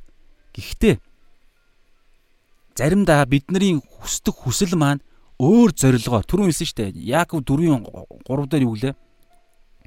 Яаков 4-ийн аа 2 дээр биш 3 дээр та нар гуйгаад хүлээн авдаг учир нь та нар өөрсдийн тааламжид зарцуулъя хэмээн буруугаар гуйдаг. Өөрсдийнхөө төлөө бид тухайн зүйлийг хүсэж ивэл энэ нь Бурхны юу гэлээсэ буруу та нар гуйгаад аа 3 та нар гуйгаад хүлээж авдаггүй гэж байгаа байхгүй. Учир нь та нар өөрсдийн тааламжид зарцуулах хэмээн буруугаар гуйдаг. Хэрвээ бид өөрсдийнхөө төлөө өөрсдийнхөө эрх ашиг буюу нөгөө би би гэдэг үзэл чинь өөрөө энэ дэлхийн чөтгөрийн хамгийн гол гим нүглийн гогцоо зан гохгүй юу. Тэгэхээр өөрсдийнхөө тааламжийн төлөө амиа бодсон хүслээр өөрийнхөө төлөө гуйж байгаа аливаа гуйлтанд эзэн хариулдаггүй байгаа байхгүй. Тэгэхээр тэгвэл яах юм тэгээд? Миний бодлоор энэ хандлагаа өөрчлөх, амьдралынхаа энэ явж байгаа замаа өөрчлөх, цаад очиж байгаа чиглэлээ өөрчлөх, зорилгоо өөрчлөх. Ямар зорилгоор би энэ машиныг гуйхаж байгаа юм? Ямар зорилгоор би байр гуйж байгаа юм? Яа ганц зорилго байгаа шүү дээ. Энэ дэлхий дээр зүгээр би орон гэртэл амьдрмаар байна. Хэрвээ иймэрхүү юм ярьж ивэл миний бодлоор энэ нэг юм энэ дэлхийн нэг тийм нэг юм одоо юу гэдэм дэ аа бурхны хүслээс нэг юм заавал биж байгаа Миний бодлоор да би энэ дээр яахтай дүгнэлт хиймээргүй. Тэгвэл одоо бид нар байр машин гуйлаа гэж бодъё л доо. Тэгхтээ хүртэл энэ дотроос бурхны хүслийг олж харж чадаж гуйх гэдэг л имийг би нь мэдрээд байгаа байхгүй юу? Жишээ нь байр гуйж байгаа нь яагаад гуйж байгаа? Бурхны хүслийг бүгдээрээ бурхан биднийг орон байртай Тэгээ сайн сайхан амьдраасаа гэж бурхан хүсдэг гэдэг хүслийг нь Библиэс олж мэдсэн тэр мэдлэгээр бурхан намайг байртай амьдраасаа гэж хүсдэг. Тэ а үр хүүхдээ хань ижлээ, найз охиноо, найз залуугаа ч юм уу эсвэл амьдралын ажлын шаардлага надад машин хэрэгтэй байна. Тэгээ бурхан намайг тэ энэ дэлхий дээр хэрэгцээг минь анхан шатны хэрэгцээ хэрэг мөн байгаа бол зүгээр нэг тансаглахсан ч юм уу тэ нэр хүнд хайсан биш яг тодорхой тийм хүсэл зорил яг тийм юм хэрэгцээ байгаа бол бурхан тэр хэрэгцээг ханхыг хүсдэг. Тэр нь Библиэлд ингэж байдаг. Бурхан над хайртай. Тийм учраас бурхан энийг хүсэж байгаа гэдэг юм харж байгаа тэр хүсэл дотроосоо бурханы хүслийг олж харах, хараад гуух. Эсвэл зүгээр л зүгээр л энэ дэлхийн амьдралын жам штэ. Ямар ч бурхан бурхан байхгүй. Зүгээр л хүн болгол байртай байгаа. Би энэ төлөө амьдарч штэ. Би тэгээ ажил яах гэж би ажил хийсэн. Энд чинь миний цалин штэ. Тэгээ би өөрөө би өөрөө өөрийнхөө гэр юу гэдэг байр машины төлөө би явахгүй хий явах юм ч гэдэг юм. Нэг иймэрхүү зүгээр бурхангуу үзэлтэй хүмүүсүүдтэй адилхан нэг иймэрхүү зорилгоор зүгээр ингээл гуух нь ондоо байгаад байгаа байхгүй. Яг адилхан зүйлийг яг л адилхан хариултын хариулт үр дүнг хүсэн гуйж байгаа мөртлөө цаана байгаа мөн чанарууд нь ондоо байгаад байгаа байхгүй. Тиймэрхүү тийм учраас бид нар тийм учраас өдөр болгон оюун ухаанаа шинчлээд бурхны хүслийг таньж мэдэх юм бол бурхан бидний хүсдгийг угаасаа хүсэж байгаа. Тэгээд тэндээс илүү бас юм хүсэж байгаа биднээс. Бидний хүсэл амьдрал дах бид нэр хүслээ ингээ харах юм бол за ингээ тийм тийм тийм хүүхдийг ингээ асуудаг штэ. Миний хөө яах яагаад сургуульд орж байгаа гэхээр тийм тэг ин ингээ нэг альдангууд. Тэгвэл тэр чин тэгээ юуны төлөө ингээд сургуульд орж байгаа юм гэхээр гоё ажилд орохын төлөө. Гоё ажилд ороод яах ингээд ингээд их цалин аавна. Цалин аваад яах ингээд тийм байр маар аавна гэд байр аваад яах юм бол дотор нь гоё амьдрын гэр бүлээр гэр бүлээрээ амьдраад тэгээ яах вэ гал ингээд тэгэл хүүхд гарган хүүхд гараа яах юм тэгэл тэгэл одоо үхэндээ гэдэг иймэрхүү юм ярьдаг штэ. Зүгээр ингээд бидний энэ оюун ухааны чинь нэг юм потенциал хязгаар нь цар хүрэн хүрээн гэтэл бурхан саяны ярьсан энэ дараалуудыг бүгдийг нь хүснэ угаасаа энэ дэлхий дээр амьдарч байгаа. Есүс ч өөрөө хүн байсан шүү дээ. Тэгээ тодорхой Библиэлд асар олон юм байгаа. Тариа цариулж байгаа хуучин гэрээний хуулинд хүртэл байгаа. Тэ ажил хийж байгаа хүнсээ авах нь зохистой мөхстэй гэдэг элдв янз юм байгаа. Тэгээд бүр бор шуу муу гээл тэ зөндөө олон юм байгаа. Соломоны хувцс хүртэл энэ сараан энэ цэцгээс илүү гоё байдаггүй. Тэгэхээр бурхын цэцгийг ингэж гоё ургуулдаг мөртлөө хайртай охид хүүгүүдээ гоё хувцлахгүй гэж үгээл нөгөө бидний өхөн хата араас нь ингэж хөөдөг юм чинь бурхан зүгээр л өгнө. Хүсэж байгаа уг нь. Тэгвэл гол хүсэл гэдэг юм байгаа байхгүй юу? Бид яах гэж энэ дэлхий дээр яг юуны төлөө амьдарч байгаа юм. Саяны хүүхдээ ярьсан шиг ингээд ингээд ингээд үхээд л болно гэдэг тийм хүслийг хэрүү хүсч амьдарч ивэл бидний хүсэл чинь одоо энэ дэр өөрийн тааламжид зарцуулна гэд. Гэтэл бид яг үүндээ өөрийнхөө тааламжаач хангаж чаддгүй надад юу тааламжтай вэ? Надад юу хэрэгтэй вэ гэдгээ ч бид нар бүрэн мэдэхгүй шүү дээ. Бүтээгч маань өөрөө бүгдийг мэдж байгаа байхгүй. Тийм учраас Бурхны хүслийг таньж мэдээд Бурхны хүслийн дагуу гуйх, Бурхны хүслийн дагуу амьдрна гэдэг чинь инх тайван надад танд хамгийн гоё амьдрал байхгүй. Яагаад? Энэ аягийг зохиосон зохиогч нь өөрөө энэ аягийг хамгийн зөвөөр хэрэглэнэ. За аягах арай биш. Зарим нэг юм ян зүрийн ингээд заримдаа ингээд нэг зарим нэг юм тоглоом ч юм уу ингээд энэ төхөөрөмж, тоног төхөөрөмжн дээр зарим нэг нэг юм эд ангийг нь бид нар яаж ашиглахыг мэдэхгүй бас зарим зүйл байдаг шүү дээ. Ерөнхийдөө ашигладаг. Тэгээ заримдаа нэг энддэг байгаа энэ товч нь ямар учиртай юм бол доо энэ нэг юм ховл нь яах гэж энэ ховлыг хийсэн юм бол доо энд бариултаа мөртлөө энд дахиад нэг юм байх юм. Бид нар мэдэхгүй шүү дээ. Ерөнхийдөө зүгээр ингээ хэрэглэж чадах ч гэсэн. Гэтэл яг бүтээсэн зохион бүтээгч нь өөрөө аа энэ ийм учиртай юм ба энэ ийм юм аа ийм тохиолдолд энийг нь хэрэглэх юм аа гэд бүгдийг нь мэдж байгаа. Яг энтэй адилхан бид бид нарыг бүтээсэн биднийг бүр бүгдийг мэддэг тэр бурханыхаа хүслийг нь мэдээ тэрүүгээр амьдрнаа гэдэг чинь хамгийн гоё амьдралаар амьдрах байхгүй юу? Тэгэхээр ингэж гууж байгаа гуйлт чинь өөр хамгийн бест. Тэгээд энэ биднэрт а үнгүү бэлэг болгож өгсөн ерөөл гэж ойлгохоороо бид нар тэгээ эн чинь бүр цаашаага том авралын төлөвлөгөөтэй холбогдож байгаа цаашлаад энэ бүгд чинь тэгээд бурхан хариуд нь юу хүсэж байгаа эзнээ эзэндээ итгэж эзнийхээ алдаршуулан эзэнд эзнээсээ хүсэн эзнийхээ хүсэн хүлээж амьдраасаа гэдэг ийм л юм байгаа шүү дээ. Бурхангүй бол би яаж чадахгүй гэдгээ эн чинь факт үнэн учраас энийхээ дагуу үргэлж бурхандаа хандан залбирч. Тэгээ бурхан ингээд майгаад гоё мөгдөг. Ур чадвартай. Тэнгүүд нь ур чадварыг нь аван гутлаа. Яг энэ өнөөдөр байгаа энэ 9 дагалдагч нар шиг. Ур чадварыг нь үнгүү бэлгийг нь авчин гутлаа. Ур чадвараараа хийж байгаа юмээга өөрийнх нь чадвар гэж ойлгоод өөрийнх нь өөрийнх нь бий болгож байгаа амьдралын туршлага гэж ойлгонгуутлаа нэг нэг хизээ нэгэн цагт ямар бид нар үл мэддэг тэр нэг тодорхой үед бурхан хэрэггүй тэр туршлагандаа итгээд яваад эхлэх гээд байгаа байхгүй. Тэр үед цаад сүнслэг ертөнц чи өөрөө тэрийг дорн таньж мэдэх учраас чөтгөр бол дорн мэдээл аа одоо энэ эзэнгүү болчлоо. Яг энэ тохиолдолд энэ эзэндээ итгэхгүй байна. Бурхандаа итгэхгүй байна. Тараагтараа сайн дүлхүүрэн салчлаа. Тэгэхээр энэ цаг мөчид дарална, даралнаа, дээр нь гарнаа гээл саяны хүүхд шиг нь гарахгүй байсан байгаа байхгүй. Хүснээр орилж тэнд эзэгнж байгаа сте. Тийм учраас Есүс та нарт залбираагүй гэдэгт хэлж байгаа байхгүй. Энэ төрөл нь зал одоо Матай дээр бол залбирал ба мацаг барилт. Яг ялгаа байхгүй. Мацаг барилт гэдэг чинь энэ дээр хэлж штэ. Гэвч энэ төрлийн чөтгөр нь залбирал ба мацаг байл. Миний бодлоор гівч энэ төрөл гэдэг дээр бол энэ чөтгөрийг тийм ийм төрөл болгоцсон нь тэдний залбирлгүй мацаг барилтгүй буюу үргэлж бурхнаасаа хамааралтай байдаг тэр зүйл нь байхгүй болсон учраас энэ зүгээр л энгийн чөтгөрийг нэг төрлийн чөтгөр болгочиход байгаа байхгүй яг энэ төрөлд нэг ийм хүчтэй болгочихж байгаа. Яагаад вэ гэхээр тухайн үед Есүсийн дор эрх мэдэл дор биш. Өөрсдийнхөө дуршлаган дээр найдсан учраас Тийм учраас 1-р Иохан 5:14-өөс 17 дээр Бурхны хүслийн дагуу дагуух залбирал нь дандаа хариултаа авдаг, Бурхан сонсдог. Гэхдээ хариулт нь янз бүрээр илэрхийлж болно. Хизээ хариулахаа эзэн өөрөө мэдж байгаа. Тэгэхээр тэгтээ хариултаа энэ дээр дараагийн 15 дээр нэг их гоё ишлэл байгаа. 1-р Иохан аа би бид юу ч гуйсан тэр биднийг сонсно гэдгийг бид мэдвэл бид түүнээс гуйснаа авсан болохоо мэднэ гэж байгаа. Яг аваагүй ч гэсэн аль хэзээ авцсан. Зүгээр хүлээж байгаа. Яг нөгөө нэг Amazon руу захиалга өгөө те тодорхой эрхэн тодорхой. Зүгээр 7 хоног ёо 7 хоног уу эсвэл 21 үү гэдэг нь л ялгаатай. Иймэрхүү юм ярьж байгаа. Сая яагаад чих нэг сонир болов. Аа за. Тэгэхээр иймэрхүү юм ярьж байгаа шүү. Тэгээ бүгдээрээ цааш яваа. Тэгэхээр ерөнхийдөө бол дүгнээд өндөрлөө. Тэгэхээр хараа уул мэт түрүүний тэр чөтгөр уул дээр дагалгчдын хувьд уул мэт асуудал болцсон байна шүү дээ.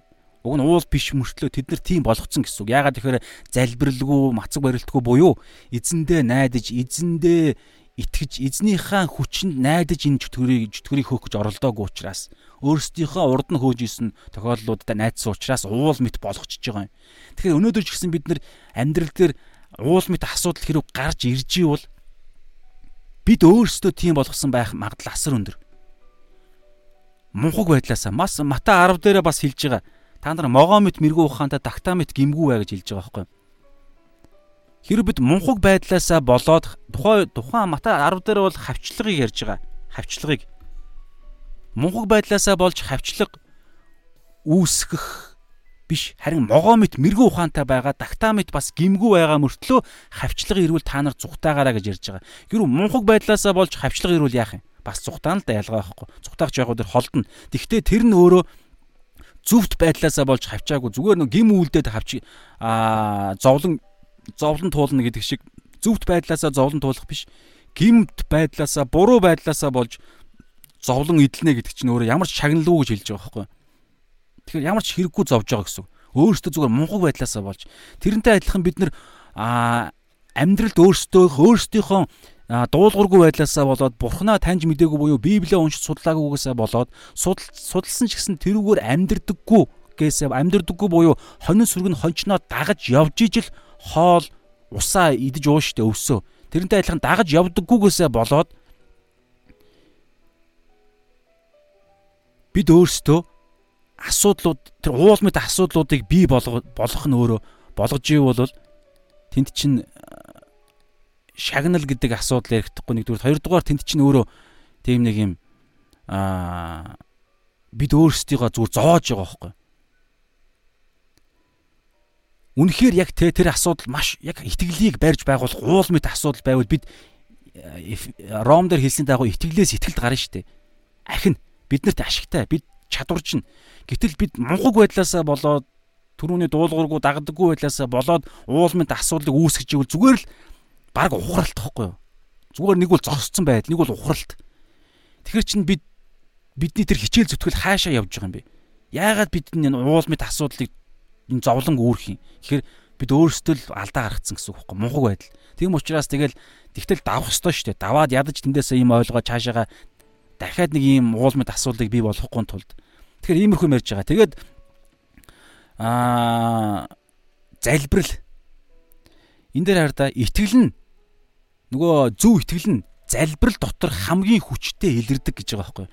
Энэ дээр хараа дан ганц Христч сэтгэлгээ Христч бидний оюун ухаан сэтгэлгээ дангаараа байвал бүрэн хүчээ илэрхийлж чадахгүй байхгүй? Заримдаа эрсдэлтэй, заримдаа төөрх аюултай. Яг түрүүнийх шиг тэр уулмд асуудлыг чинь бас бий болох аюултай. Харин бурхан бурханд бурхандаа найдах, бурханыхаа дотор амьдрах буюу тэр залбирал гэдэг энэ зүйл чинь хэрвээ итгэлийн амьдралд яг тэр оюун ухаантай чинь зэрэгцэж хамтдаа явж байгаа цагт бидний итгэл үнэхээр агцтай байна. Тэгээд нөгөө итгэлч нь өөрөө тэр бодиттой тэр үр дагавар уулыг нүүлгэх хүч юу ч боломжгүй боломжгүй зүйл гэж юу ч байхгүй болно гэдэг чинь жинхэнэ хэрэгж байна. Тэгэхээр ерөнхийдөө бол хоёр зүйл итгэл залбирал гэж хэлж хэлж болно. За залбирлын дотор бол гимшил бас маш чухал шүү. Маш чухал. Тэгэхээр ийм зүйл ерөнхийдөө ярьж байгаа. Тэгээд энэ дээр хараа бурхны тэр хүчийг Бурхны хүчийг одоо энэ дээр ингэж байгаа. Залбирал бол гичний үр мэт жижиг дүлхүүрийг аваад агуу бурхан мэт тракторт хийж хийж буй тэр ашиглаж байгаа үйлдэл гэж ерөөдөө бол би сая гаргасан. Гэхдээ ерөөдөө ингээд юу бацах юм бол ямар үгээр илэрхийлж болж байгаа вэ гэхээр Библиэлд асар олон итгэгч хүмүүсүүд Бурхны хаанчлалын чуул Есүсийн чуулганы итгэгчдэд өгөгдсөн асар олон эрх мэдлүүд байгаа. Бид нар нэгийг нь маш үндсэн чухлыг нь үтсэн. Мата 16 дээр бид нар үтсэн. Мата 16-гийн 16-аас 18 хавцаа үтсэн шүү дээ. Петрийн тунхаглалыг хэлсэн. Та бол Христ амьд бурхны хүү гэсэн. Тэгээ энэ энэ дээр би чуулгана байгуулна гэж байгаа. Есүсийн чуулган. Тэгэнгүүтлээ үхсдийн орны хаалга дийлэхгүй. Тэнгэрийн хаанчлалын түлхүүрийг өгнө.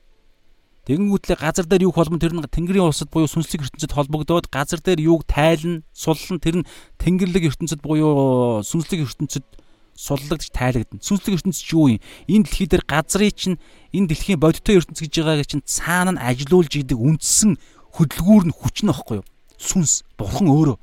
Бурхан байхгүй энэ дэлхийн ертөнцид юу ч оршихгүй Бурхан өөрөө энэ сансар окторгүй галактик бидний энэ физиологийн эд хэсэг өөрөө ажиллаж байгаа. Тэгэхээр сүнслэг ертөнцид ямар нэг юм хийгднэ гэдэг чинь өөрөө бодиттой ертөнцийн цаг нь болоход шууд биелнэ гэсэн үг.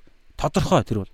Дөрөв нэгдүгээр явах нь 5-ын 15 дээр хэлсэн дагуу хариултаа авах нь автсан гэдэгтээ бид тодорхой итгэнэ гэж байгаа шүү дээ.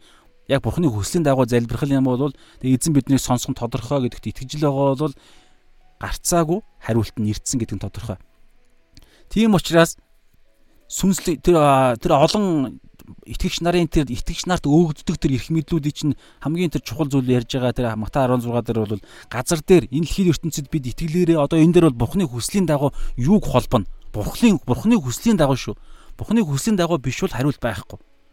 Бурхны хүслийн дагуу байна гэдэж юу ярьж байгаа гэхээр нөгөө авралын итгэлийг чи үндсэн юм шүү дээ. Та бол миний амьдралын эзэн гэж хэлснээрээ авралт хүрнэ гэж Ром 10-ын 9 10 дээр байгаа байхгүй юу? Тэгэхээр би Миний амьдралын эзэн юм болвол миний хүсэж байгаа хүсэл хүртэл би эзнийхээ хүслийг л хүснэ шүү дээ. Би боол учраас. Тийм учраас бид юуг холбон сулн тэр нь шууд биелнэ л гэсэн үг. Тэгвэл энэ нь хизээ яаж бий болох юм? Яаж хийх юм? Залбирал. Залбирал Бурхны хүсэл, Бурхны хүслийг таньж мэдээд тэр хүслийнх нь дагуу залбирдаг байх. Үргэлж Бурханаас хамааралтай байх. Бурхангүй бол бид нэг нэг минут ч амьсгалж чадахгүй гэдэг тэр фактыг ойлгох. Агаар байхгүй бол бид нэг минут ч амьсгалж чадахгүй. За Том Круз л биш бол Том Круз маш 6 минут ч үл юу лээ. Асар их олон л удаан амьсгалдаг юм билэ. Тэгэхээр ийм л юм ярьж байгаа. Тэр бүгдээрээ дүгнээ өндөрлөө. За юу гэж дүгнэх вэ гэхлээр гичийн гичний үүр гэж байгаа заримдаа гичийн үүр тэр гич мастерд гэж байгаа те master seed буюу гिचний үр ийм жижигхэн үр ийм гайхалтай том мод болдог. Яаж? А би нэг зураг үзүүлэх юм шүү дээ. Энэ энэ дээр хар та. Би нэг бас бичээг юм байна. Гичний үр мэд итгэл гэдэг нь өөрийнхөө ойлголтоо өхүүлж Есүсийг харах, Есүсийн ойлголттой нэгдэх задрах процесс аахгүй? Задрах процесс. Өөрийнхөө анхны төлөв байдланд байдлаа хамгаалаад энэ гिच энэ master seed буюу гिचийн үр хэрүү. Би ерөөсөө задармааргүй байна өөрчлөгдмөөргүй байна. Би ингэж одоо энэ сүлдө өөхөд дуусан шүү дээ. Өөхөж байхдаа ингээд задраад дуусан гэхдээ яг энэ энэ анхны хэлбэр нь бол өөхөх ч юм уу ингээд байхгүй болно шүү дээ. Чи бүгд ингээд энэ гिचний чи энэ хэсэг нь сүлдээ энэ руугаа шингээд ингээд ингээд задраа задаад өөрөө золиослоод дуусах байхгүй юу? Тийм ойлголтоор хэрв ярих юм бол. Тэгэхээр гिचийн үр гэдэг чинь хуучин ойлголтоо, өөрийнхөө ойлголтоо, энэ дэлхийлэг ойлголтоо, махбодлог ойлголтоо би би гэдэг үзлээ, хуваа хичээсэн тэр үзлээ, тэр бүх ойлголтуудаа Есүсийн ойлголттой нэгдэх. Есүс өөрөө яг тэгсэн. Филиппо 2 дээр байгаа, Иохан 5-ын 19 дээр байгаа, Иохан 5-ын 30 дээр байгаа. Өөрөөсөө юу ч хийдэггүй. Тэгээ эцгийнхаа хүслийн дагуу л өөрөө боол болж үхэхээр ирсэн, задрахаар ирсэн. Одоо энэ ойлголтоор бол. Тэгэхээр бид нар яг адилхан. Тэгхийн бол яах вэ гэхээр ийм гайхалтай сүрлэг мод болж хувирж байгаа. Тэгэхээр энэ дотор чинь бол асар олон жижигхэн гिचийн өрүүд гарч ирнэ шүү дээ. Ингиж гой үр жимснэ өөрчлөгдөж бид нар юр бусын төлөв байдал шилжинэ гэсэн. Тэгэхээр энэ бүх зүйл чинь юу вэ гэхээр түрүүн ярьсан. Есүс эзнээ бүрэн таньж мэдэх хэрэгтэй. Тэгээ Есүс надтай хамт байгаа цагт юроосоо айх ямар ч тийм утга зүүн үндэс ойлголт байхгүй. Бид юунаас айх юм? Бүтээгч эзэн бурхан хамт байхад. Тэгээ бид хуваа хичээж болохгүй. Есүс намайг миний намайг хичээж байгаа. Би хуваа хичээхгүй. Есүс намайг хичээнэ. Харин би Есүсийн төлөвлөгөө хичээнэ. Хичээнэ гэдэг юм одоо юу гэдэг юм. Есүс миний төлөө амьдрна. Би өөрөө Есүсийн төлөө амьдрна. Есүсийн төлөө гэдэг нь өөрөө бусад аврагдаагүй хүмүүсийн төлөө бас аврагдсан ахан дүүснэрийн хайрлах тэр зүйлийн төлөө гэж байгаа шүү дээ. Харин миний төлөө хэн миний төлөө хэн амьдрах юм? Есүс амьдрна. Тэр нь юугаар илэрх юм? Тэнгэрийн хаанчлалын тогтолцоо гэж ярьж байгаа. Чуулганы ахан дүүс бие биенийхээ төлөө амьдрна. Яг ийм юм ярьж байгаа. Хоёрдугаарт гिचи өөр өөр юу ярих вэ? Үргэлж Есүсийг л харна. Хажууд үнэхээр өөр нэг бодит байдал давалгааг харуулж иж магадгүй. Бодит байдал үнэхээр намайг өчүүхэн дорой, намайг өрөвдөлтөй гологдсон хөгийн тэгээ одоо царай муутаад юу гэдгийг ашиггүй, мөнгө төгрөггүй гэд янз бүрийн ярьж болно. Гэхдээ Есүсийг харах үед Есүс намайг ямар агуу болгож байгааг бид нар харж чадах үед бид нөгөө нэг юу ч хийж чаддаг итгэл чинь тэнд бий болж байна гэсэн. Ягаад гэвэл би тарактартаа нэгдсэн учраас бурхантай нэгдсэн. Түлхүүр дангаараа биш. Гол хийдэг юм нь би биш. Миний том бурхан, том түлхүүр биш. Том трактор буюу том бурханд би итгэж байгаа жижигхэн итгэл. Жижигхэн байхад л болно. Тэгээ тэр итгэл нь том байвал гоё шүү дээ. Гэтэ хэмжээ ярихгүй байгаа байхгүй. Зүгээр итгэл байх нь чухал. Хамгийн байж бол хамгийн жижиг итгэл байсан ч гэсэн тэр жижигхэн итгэл чи өөрөө түлхүүр байхгүй юу? Асар том трактор хөдөлгөнө. Ийм л юм яриад байгаа юм байна. А тэгээ эргэлздэггүй байх хэрэгтэй. Эргэлдэж байна гэдэг чинь яг тухайн сэдвээр тухайн зүйл дээр би итгэхгүй байна гэсэн үг. Тэрийг хүлээн зөвшөөрөөд түрүүний аав шиг залбирах хэрэгтэй. Би итгэж ийн гэсэн мөртлөө араас нь итгэлгүй байгаад минь өөршөөгөө намайг итгэлтэй болгож өгөөч гэж залбираад Мата 5:3-ын дагуу сүнсэндээ ядуу байгаагаа хүлээн зөвшөөрөөд надад туслаач гэд ариун сүнснээс гуйх үед эзэн түрүүн хэлсэн чинь эзний чи хүсэл юу гэлээ? Бид нарыг итгэлтэй байгаасаа өөрт нь итгэдэг байгаасаа гэж хүсэж байгаа шүү дээ. Итгэл өхийг хүсэж байгаа шүү дээ. Тэгэхээр чинь түүний хүслийн дагуух юм чинь түрүүн 1-р явахын 5-ын аа 10 хэд дээр байла. Тэгээ 14 15 5-ын дагуу шууд авах байхгүй юу? Харж байна. Тэгэхээр чин бурхны хүслийг мэдэх юм бол бид тэгээ бурхны хүслүүд юу байгаа гэж Бурхан гим нүглийн боол бид нарыг битгий байгаасаа гэж хүсдэг. Тэгэхээр өнөөдөр элдв янзын бид нар гим нүглийн боол ялва донгийн боол болцсон явж байгаа. Тохиол зөндөө байгаа. Тамих, арх, хар тамих, гар хангалаг, садарлал аа одоо юу гэдэг ховж юу одоо юу гим нүглийн янз бүрийн тохиолдлууд тэр бүгдийг чинь бүгдийг нь байхгүй байгаасаа гэж эзэн үнэхээр хүсэж байгаа. Та анзаарах юм бол та дахин төрсөн хүн бол та ч гэсэн хүсэж байгаа. Тэгэхээр бурхан ингэж гуйвал бурхан биднэрт үнэхээр энэ гим нүглийн донгоос биднийг салах нь тодорхой. 1-р Иохан 5-ын 14 15-ын дагуу тэрэнд бас итгэх хэрэгтэй. Хоёрдугаар элдв янз юунд ч битгий санаа зовгож хэлж байгаа шүү дээ. Харин аливаа зүйл залбирлаараа болон талархалтайгаар хүсэлтэд гуйлтаараа хүсэлтэд бурханд мэдүүл гэж байгаа таларх. Тэгтэл санаа зовж ивэл бурхан санаа зовхгүй битгий зовоосоо хүсэж байгаа. Тэгвэл гуйхад эзэн санаа зовлтын оронд өөр юм өгнө шүү дээ. Тэгээ бурханы хүсэл биш өнөөдөр зөндөө юм бидний бидний дотор байгаа. Бидний амьдралд байгаа. Тэгэхээр тэр бүгдийг олж мэдээ тэр бүгдийг болов болохын төлөө бурхны хүсдэггүй зүйлийг хийж бодож үйлдэж амьдрахаа болохын төлөө бурхан бурханаас гуйл бурхан гарцаагүй хариулна. Яагаад тэгэхээр бурхны хүсэл учраас. Тэгэхээр Бурхны хүсэлтэд нэгдсэн хүслийг тээж яв амьдрнаа гэдэг чинь мундаг юр бусын хүч, юр бусын давуу тал байхгүй. Тэгэхээр ийм гой зүйлийг ярьж байгаа. Тэр бүгд ерөнхийдөө дүгнээ өндөрлөө. Аа дүгнсэн сая тэгээд залбираад өндөрлөө. Тэгэхээр гिचийн үр шиг тийм л ихтэй бай. Хуучин өөрийнхөө үзэл ойлголтоо өхүүлээд Есүсийн хүсэлтэд, Библийн хүсэлтэд нэгддэг. Тэр итгэл чинь, тэр төлөв байдал чинь тийм бас итгэлээс гарч байгаа залбирал өөрөө бид нарыг гайхалтай үр дагавартай юр бусын үр жимс гаргадаг. Тэгээ итгэл нь залбирал дотор хамгийн хүчтэй илэрдэг гэж байгаа шүү. Залбирал. Та залбирдаг хүмүүс угаасаа анзаарж байгаа. Залбирх үедээ бидний итгэл барьж байгуулагдж идэг. Тэгэхээр залбирал ямар ч юм хийхдээ бүгдээрээ байнга залбирж явъя. Жижигхэн жижиг хэмдэр хүртэл. Ягаад гэхээр 1-р Петр 5:8 дээр бол та нарын өрсөлдөж болох диавол та нарыг залхихаар гитэн явдаг. Архих арслан мэт гэж байгаа. Устгахаар, залхихаар, хорлохоор Эфес 6-гийн тэ 12 дээр бол энэ 10 дээр бол диаволын залмих гэж байгаа. 12 дээр нь бол энэ дэлхийг захирч байгаа тэр залмихтэй чинь. Тийм учраас бүгдээрээ жижигхэн юм болгон дээр эзнээс залбирч гуйж ингэж эзэнтэйгээ харилцаж явбал алхам болгон дээр нь залмихээр хуурах гээд байгаа диаволын ажлыг бид нар олж илрүүлээд тэгээ залбирх үед бид нар тэрийг зогсоох юм биш. Бид нар эсэргүүцэж чадахгүй шүү дээ тэр трактор буюу агуу том бурхан өөрөө хамаг ажиллаа гэдэг. Гэтэ бид нар гол нь итгэлээрээ залбирлаараа тэрийг чиглүүлэх л үүрэгтэй. Тэгээ эзэндээ өөрийгөө өгөөд энэ миний амьдрал биш таны амьдрал. Тэгэхээр та яг энэ талбар дээр намайг хуурах гээд байгаа, мэхлэх гээд байгаа энэ талбарыг асуудлыг та шийдэж өгөөч. Тэгээ би танийгаа сонсоод таны удирдлагаар явъя гэ. Тэгээ өнөөдөр амьдрах үед янз бүрийн эзэн чиглүүлэг өгөн тэрүүгээр нь амьдрах юм бол үргэлж ялалттай амьдрах гэж байгаа. За залбираа өндөрлөе бүгдээрээ.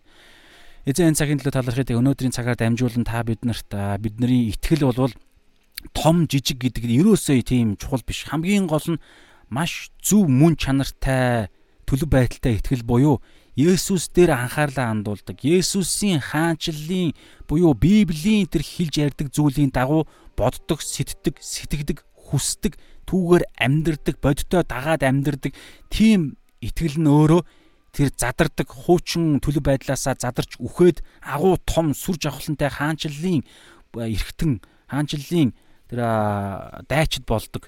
Үүний тулд эзэн минь бид хуучин ойлголтоо тайлдаг хайдаг баймаар байна.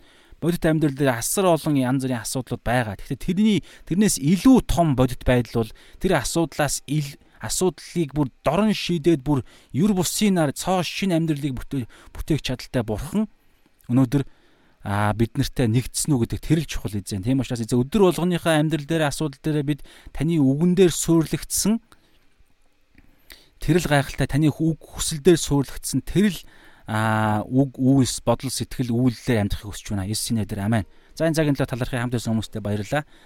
Аа За тэгээд дараагийн цагаар дахин уулзтлаа баяртай. Маргааш Йохан номоор үргэлжлүүлцгээе.